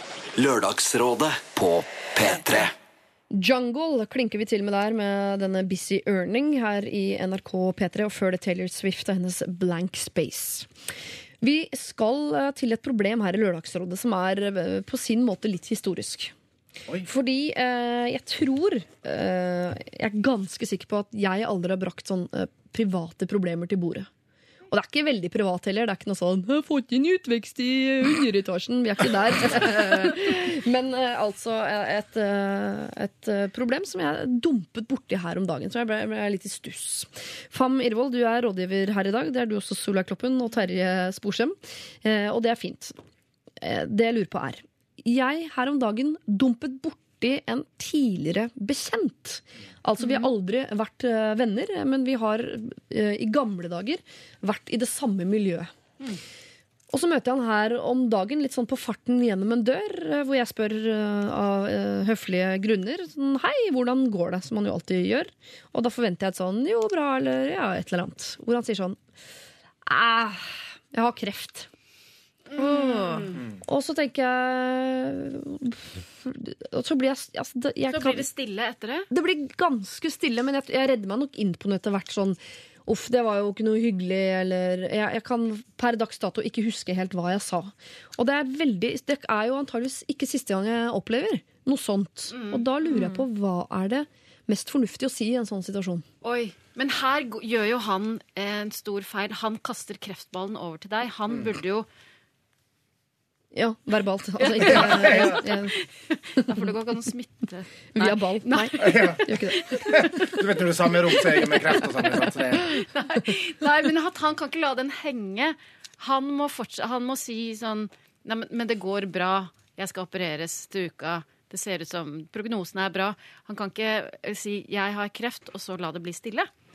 Nei, for jeg, følte, jeg sto virkelig og holdt den der eh, brennende kreftballen i mine hender og følte et sånn enormt ansvar som jeg en, egentlig tenkte sånn Jeg syns nesten var litt urettferdig. For sånn, hadde det vært en jeg hadde kjent godt, eller kjente Ja. godt, så hadde vi funnet ut av Men det var litt sånn, jeg følte ikke at det var Hva sa eh, du mitt da? ansvar, egentlig, å, å holde, ta den ballen noe videre. Da. Hva sa du? Husk, jeg husker ikke det. Jeg tror jeg sa noe sånn 'uff, så leit', eller Men hva sa han da? Var det sånn uff så leit, og så ok, snakkes? Ja, litt sånn, oh. ja. Men eh, alltid etter man har vært i sånne situasjoner, så går man videre. Så går det en dag eller to, så tenker man på det. Så tenker man, å, det var det jeg skulle sagt. Så spørsmålet er, hva, i, i ettertid, hva har du tenkt? Hva burde jeg ha sagt? Har du, har du tenkt, å, at jeg ikke sa Oi! Eller, eller som, som hadde jo noe av det. Ja, så spennende. Men- Nei, jeg har, det er jo derfor jeg spør dere. Jeg har ikke kommet på Ja. noe i ettertid heller som tenker sånn Det hadde vært lurt. Det fins jo mange typer av kreft. Eh, han virker veldig lystig på det når han sier 'hei, kjekt å se deg'. Jeg har kreft. Altså, det er jo Sa han det på en bubbly måte? Nei, det, nei. Han, nei, han gjorde ikke det. Altså, han virka litt sånn motløs. Oh, ja. okay. Det var nærmest som jeg tenkte at han liksom strakk ut en hånd. Og så tenkte sånn Det er ikke min oppgave altså, jeg, jeg er ikke komfortabel med å ta imot den invitasjonen, eller hva det er som ligger i det. Ja, for, for det er jo mye, altså Når man har uh, alvorlige, uh, potensielt dødelige sykdommer, så er det jo uh, en sånn norsk kutyme på at det skal være liksom bare for den nærmeste, og man skal snakke om det i stille rom, og man skal se på hverandre med medfølende blikk, og man skal si mm. Ja. Jeg har vært ambassadør for ungdomsgruppa i Kreftforeninga. Møtt veldig mange som har kreft, også dødelig kreft. Det er de folka med mest humor på det, som eh, eh, har lyst til å være åpne om det. Og, Ja. og, eh, det. Men det blir jo alltid litt sånn rar stemning i rommet. Ja, men, ja, men det er derfor han har et ansvar for å liksom sette stemningen. Han kan ikke bare si 'jeg har kreft', Mm. og så gi den videre til Siri. Det er jo så dårlig gjort. Han, kan, må, han må følge opp. Ja, Ja, er men det, vi kan ikke snakke om det, for hva er riktig å si? Hvis man da gjør Hva er det de, du som har jobbet med, hva er det de ønsker at jeg skal si, da? Fordi det er greit at de har humor på det, men Ja. de syns vel ikke det er greit at jeg har så mye humor på det? Nei, men altså, dette her er jo ja, jeg, jeg har ikke noe svar på det heller, men jeg, jeg tror det, det enkleste i sånne situasjoner er jo på en måte være rett og slett litt eh, eh, interessert. Ja. Altså, jeg, jeg, jeg, jeg har en alvorlig sykdom, så kan jeg Å ja. Eh, og så eh, rett og slett spør om det du lurer på. Oi, er det alvorlig? Er det, hva, hva, hva type er det? Altså, kan det godt hende at han har, okay, har en, en føflekk her som jeg skal fjerne? Så er det borte. Men han, ja. Og- men det han høres jo ut som typen som da sier hvis Siri sier 'oi, uff, er det alvorlig'? Ja. Men han ville vel ikke sagt, han ville vel ikke sagt 'jeg har kreft' hvis han ikke hadde villet snakke om det?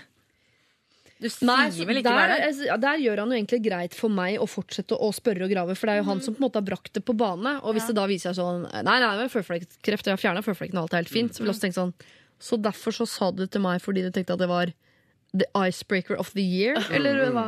Men dette er jo en posisjon du har satt deg i sjøl, Siri. Ved at du er hele Norges problemdronning. Men jeg kan ikke kan løse det- kreft! Nei, nei, men, Har du prøvd? Nei, det har jeg ikke. Jeg har ikke det. men du kunne tatt fram denne appen. Bare sånn skal, hva skal sitte. Stakk alltid grønnere og så videre. Ja. Nei, den, den, det, det er vanskelig. Ja, men, men jeg tror løsningen er som du sier, Terje. Vær interessert. Spør. Oi. Still oppfølgingsspørsmål. Hva, er det alvorlig? Hva, hvor har du, hva, Ja. hva skjer? Ja, fordi øn Man ønsker vel at det skal bli lettere å snakke om det. Akkurat som det skal bli lettere å snakke om døden, og at man skal på ta bort eh, Tabuen, tabuen ja. rundt det. Da. At alle skal liksom synes at det er en grei ting å snakke om. Men da er enig at da gjorde han det på en litt klønete måte. Ja. Ja, det gjorde han. Er si? Ja, han er sikkert eh, Kanskje han har bedre måter. Ring han nå og spør eh, hvordan går det med det. Har du Det- fortsatt kreft? Ja, så kan han godt hende si nei, jeg er frisk, eller eh, det går ikke så bra.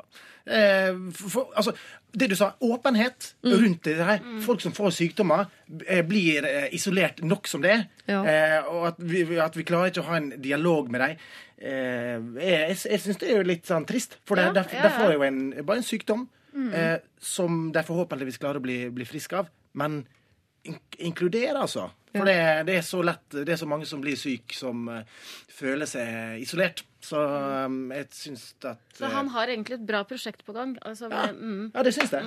Ja, for det verste for han er vel syns jeg eh, eh, man overser han eller behandler han på en rar måte. Eller sånn. Jeg vet ikke om dere har fått den som, Det har gått på Facebook nå som en farsott. En sånn kronikk skrevet av en mor som har to barn, hvor den ene datteren har et eller annet syndrom som gjør at hun ser veldig rar ut. Og har da en appell til alle mennesker i hele verden sånn til alle mødre da, og fedre at eh, når barna deres kommer bort og peker og spør eh, hva er det som er hvorfor ser du annerledes ut, eller eh, alle de tingene der, Så, ikke gå bort til barnet og si hysj, og skån det og dra det med bort til siden. og sånn For for datteren min så er det vanskeligere for eh, henne at dere vil skåne barna deres fra å snakke med meg, enn at de peker på tingene hun vet er rart, og spør hva er det for noe. For hun kan svare 'jeg har det og det syndromet'.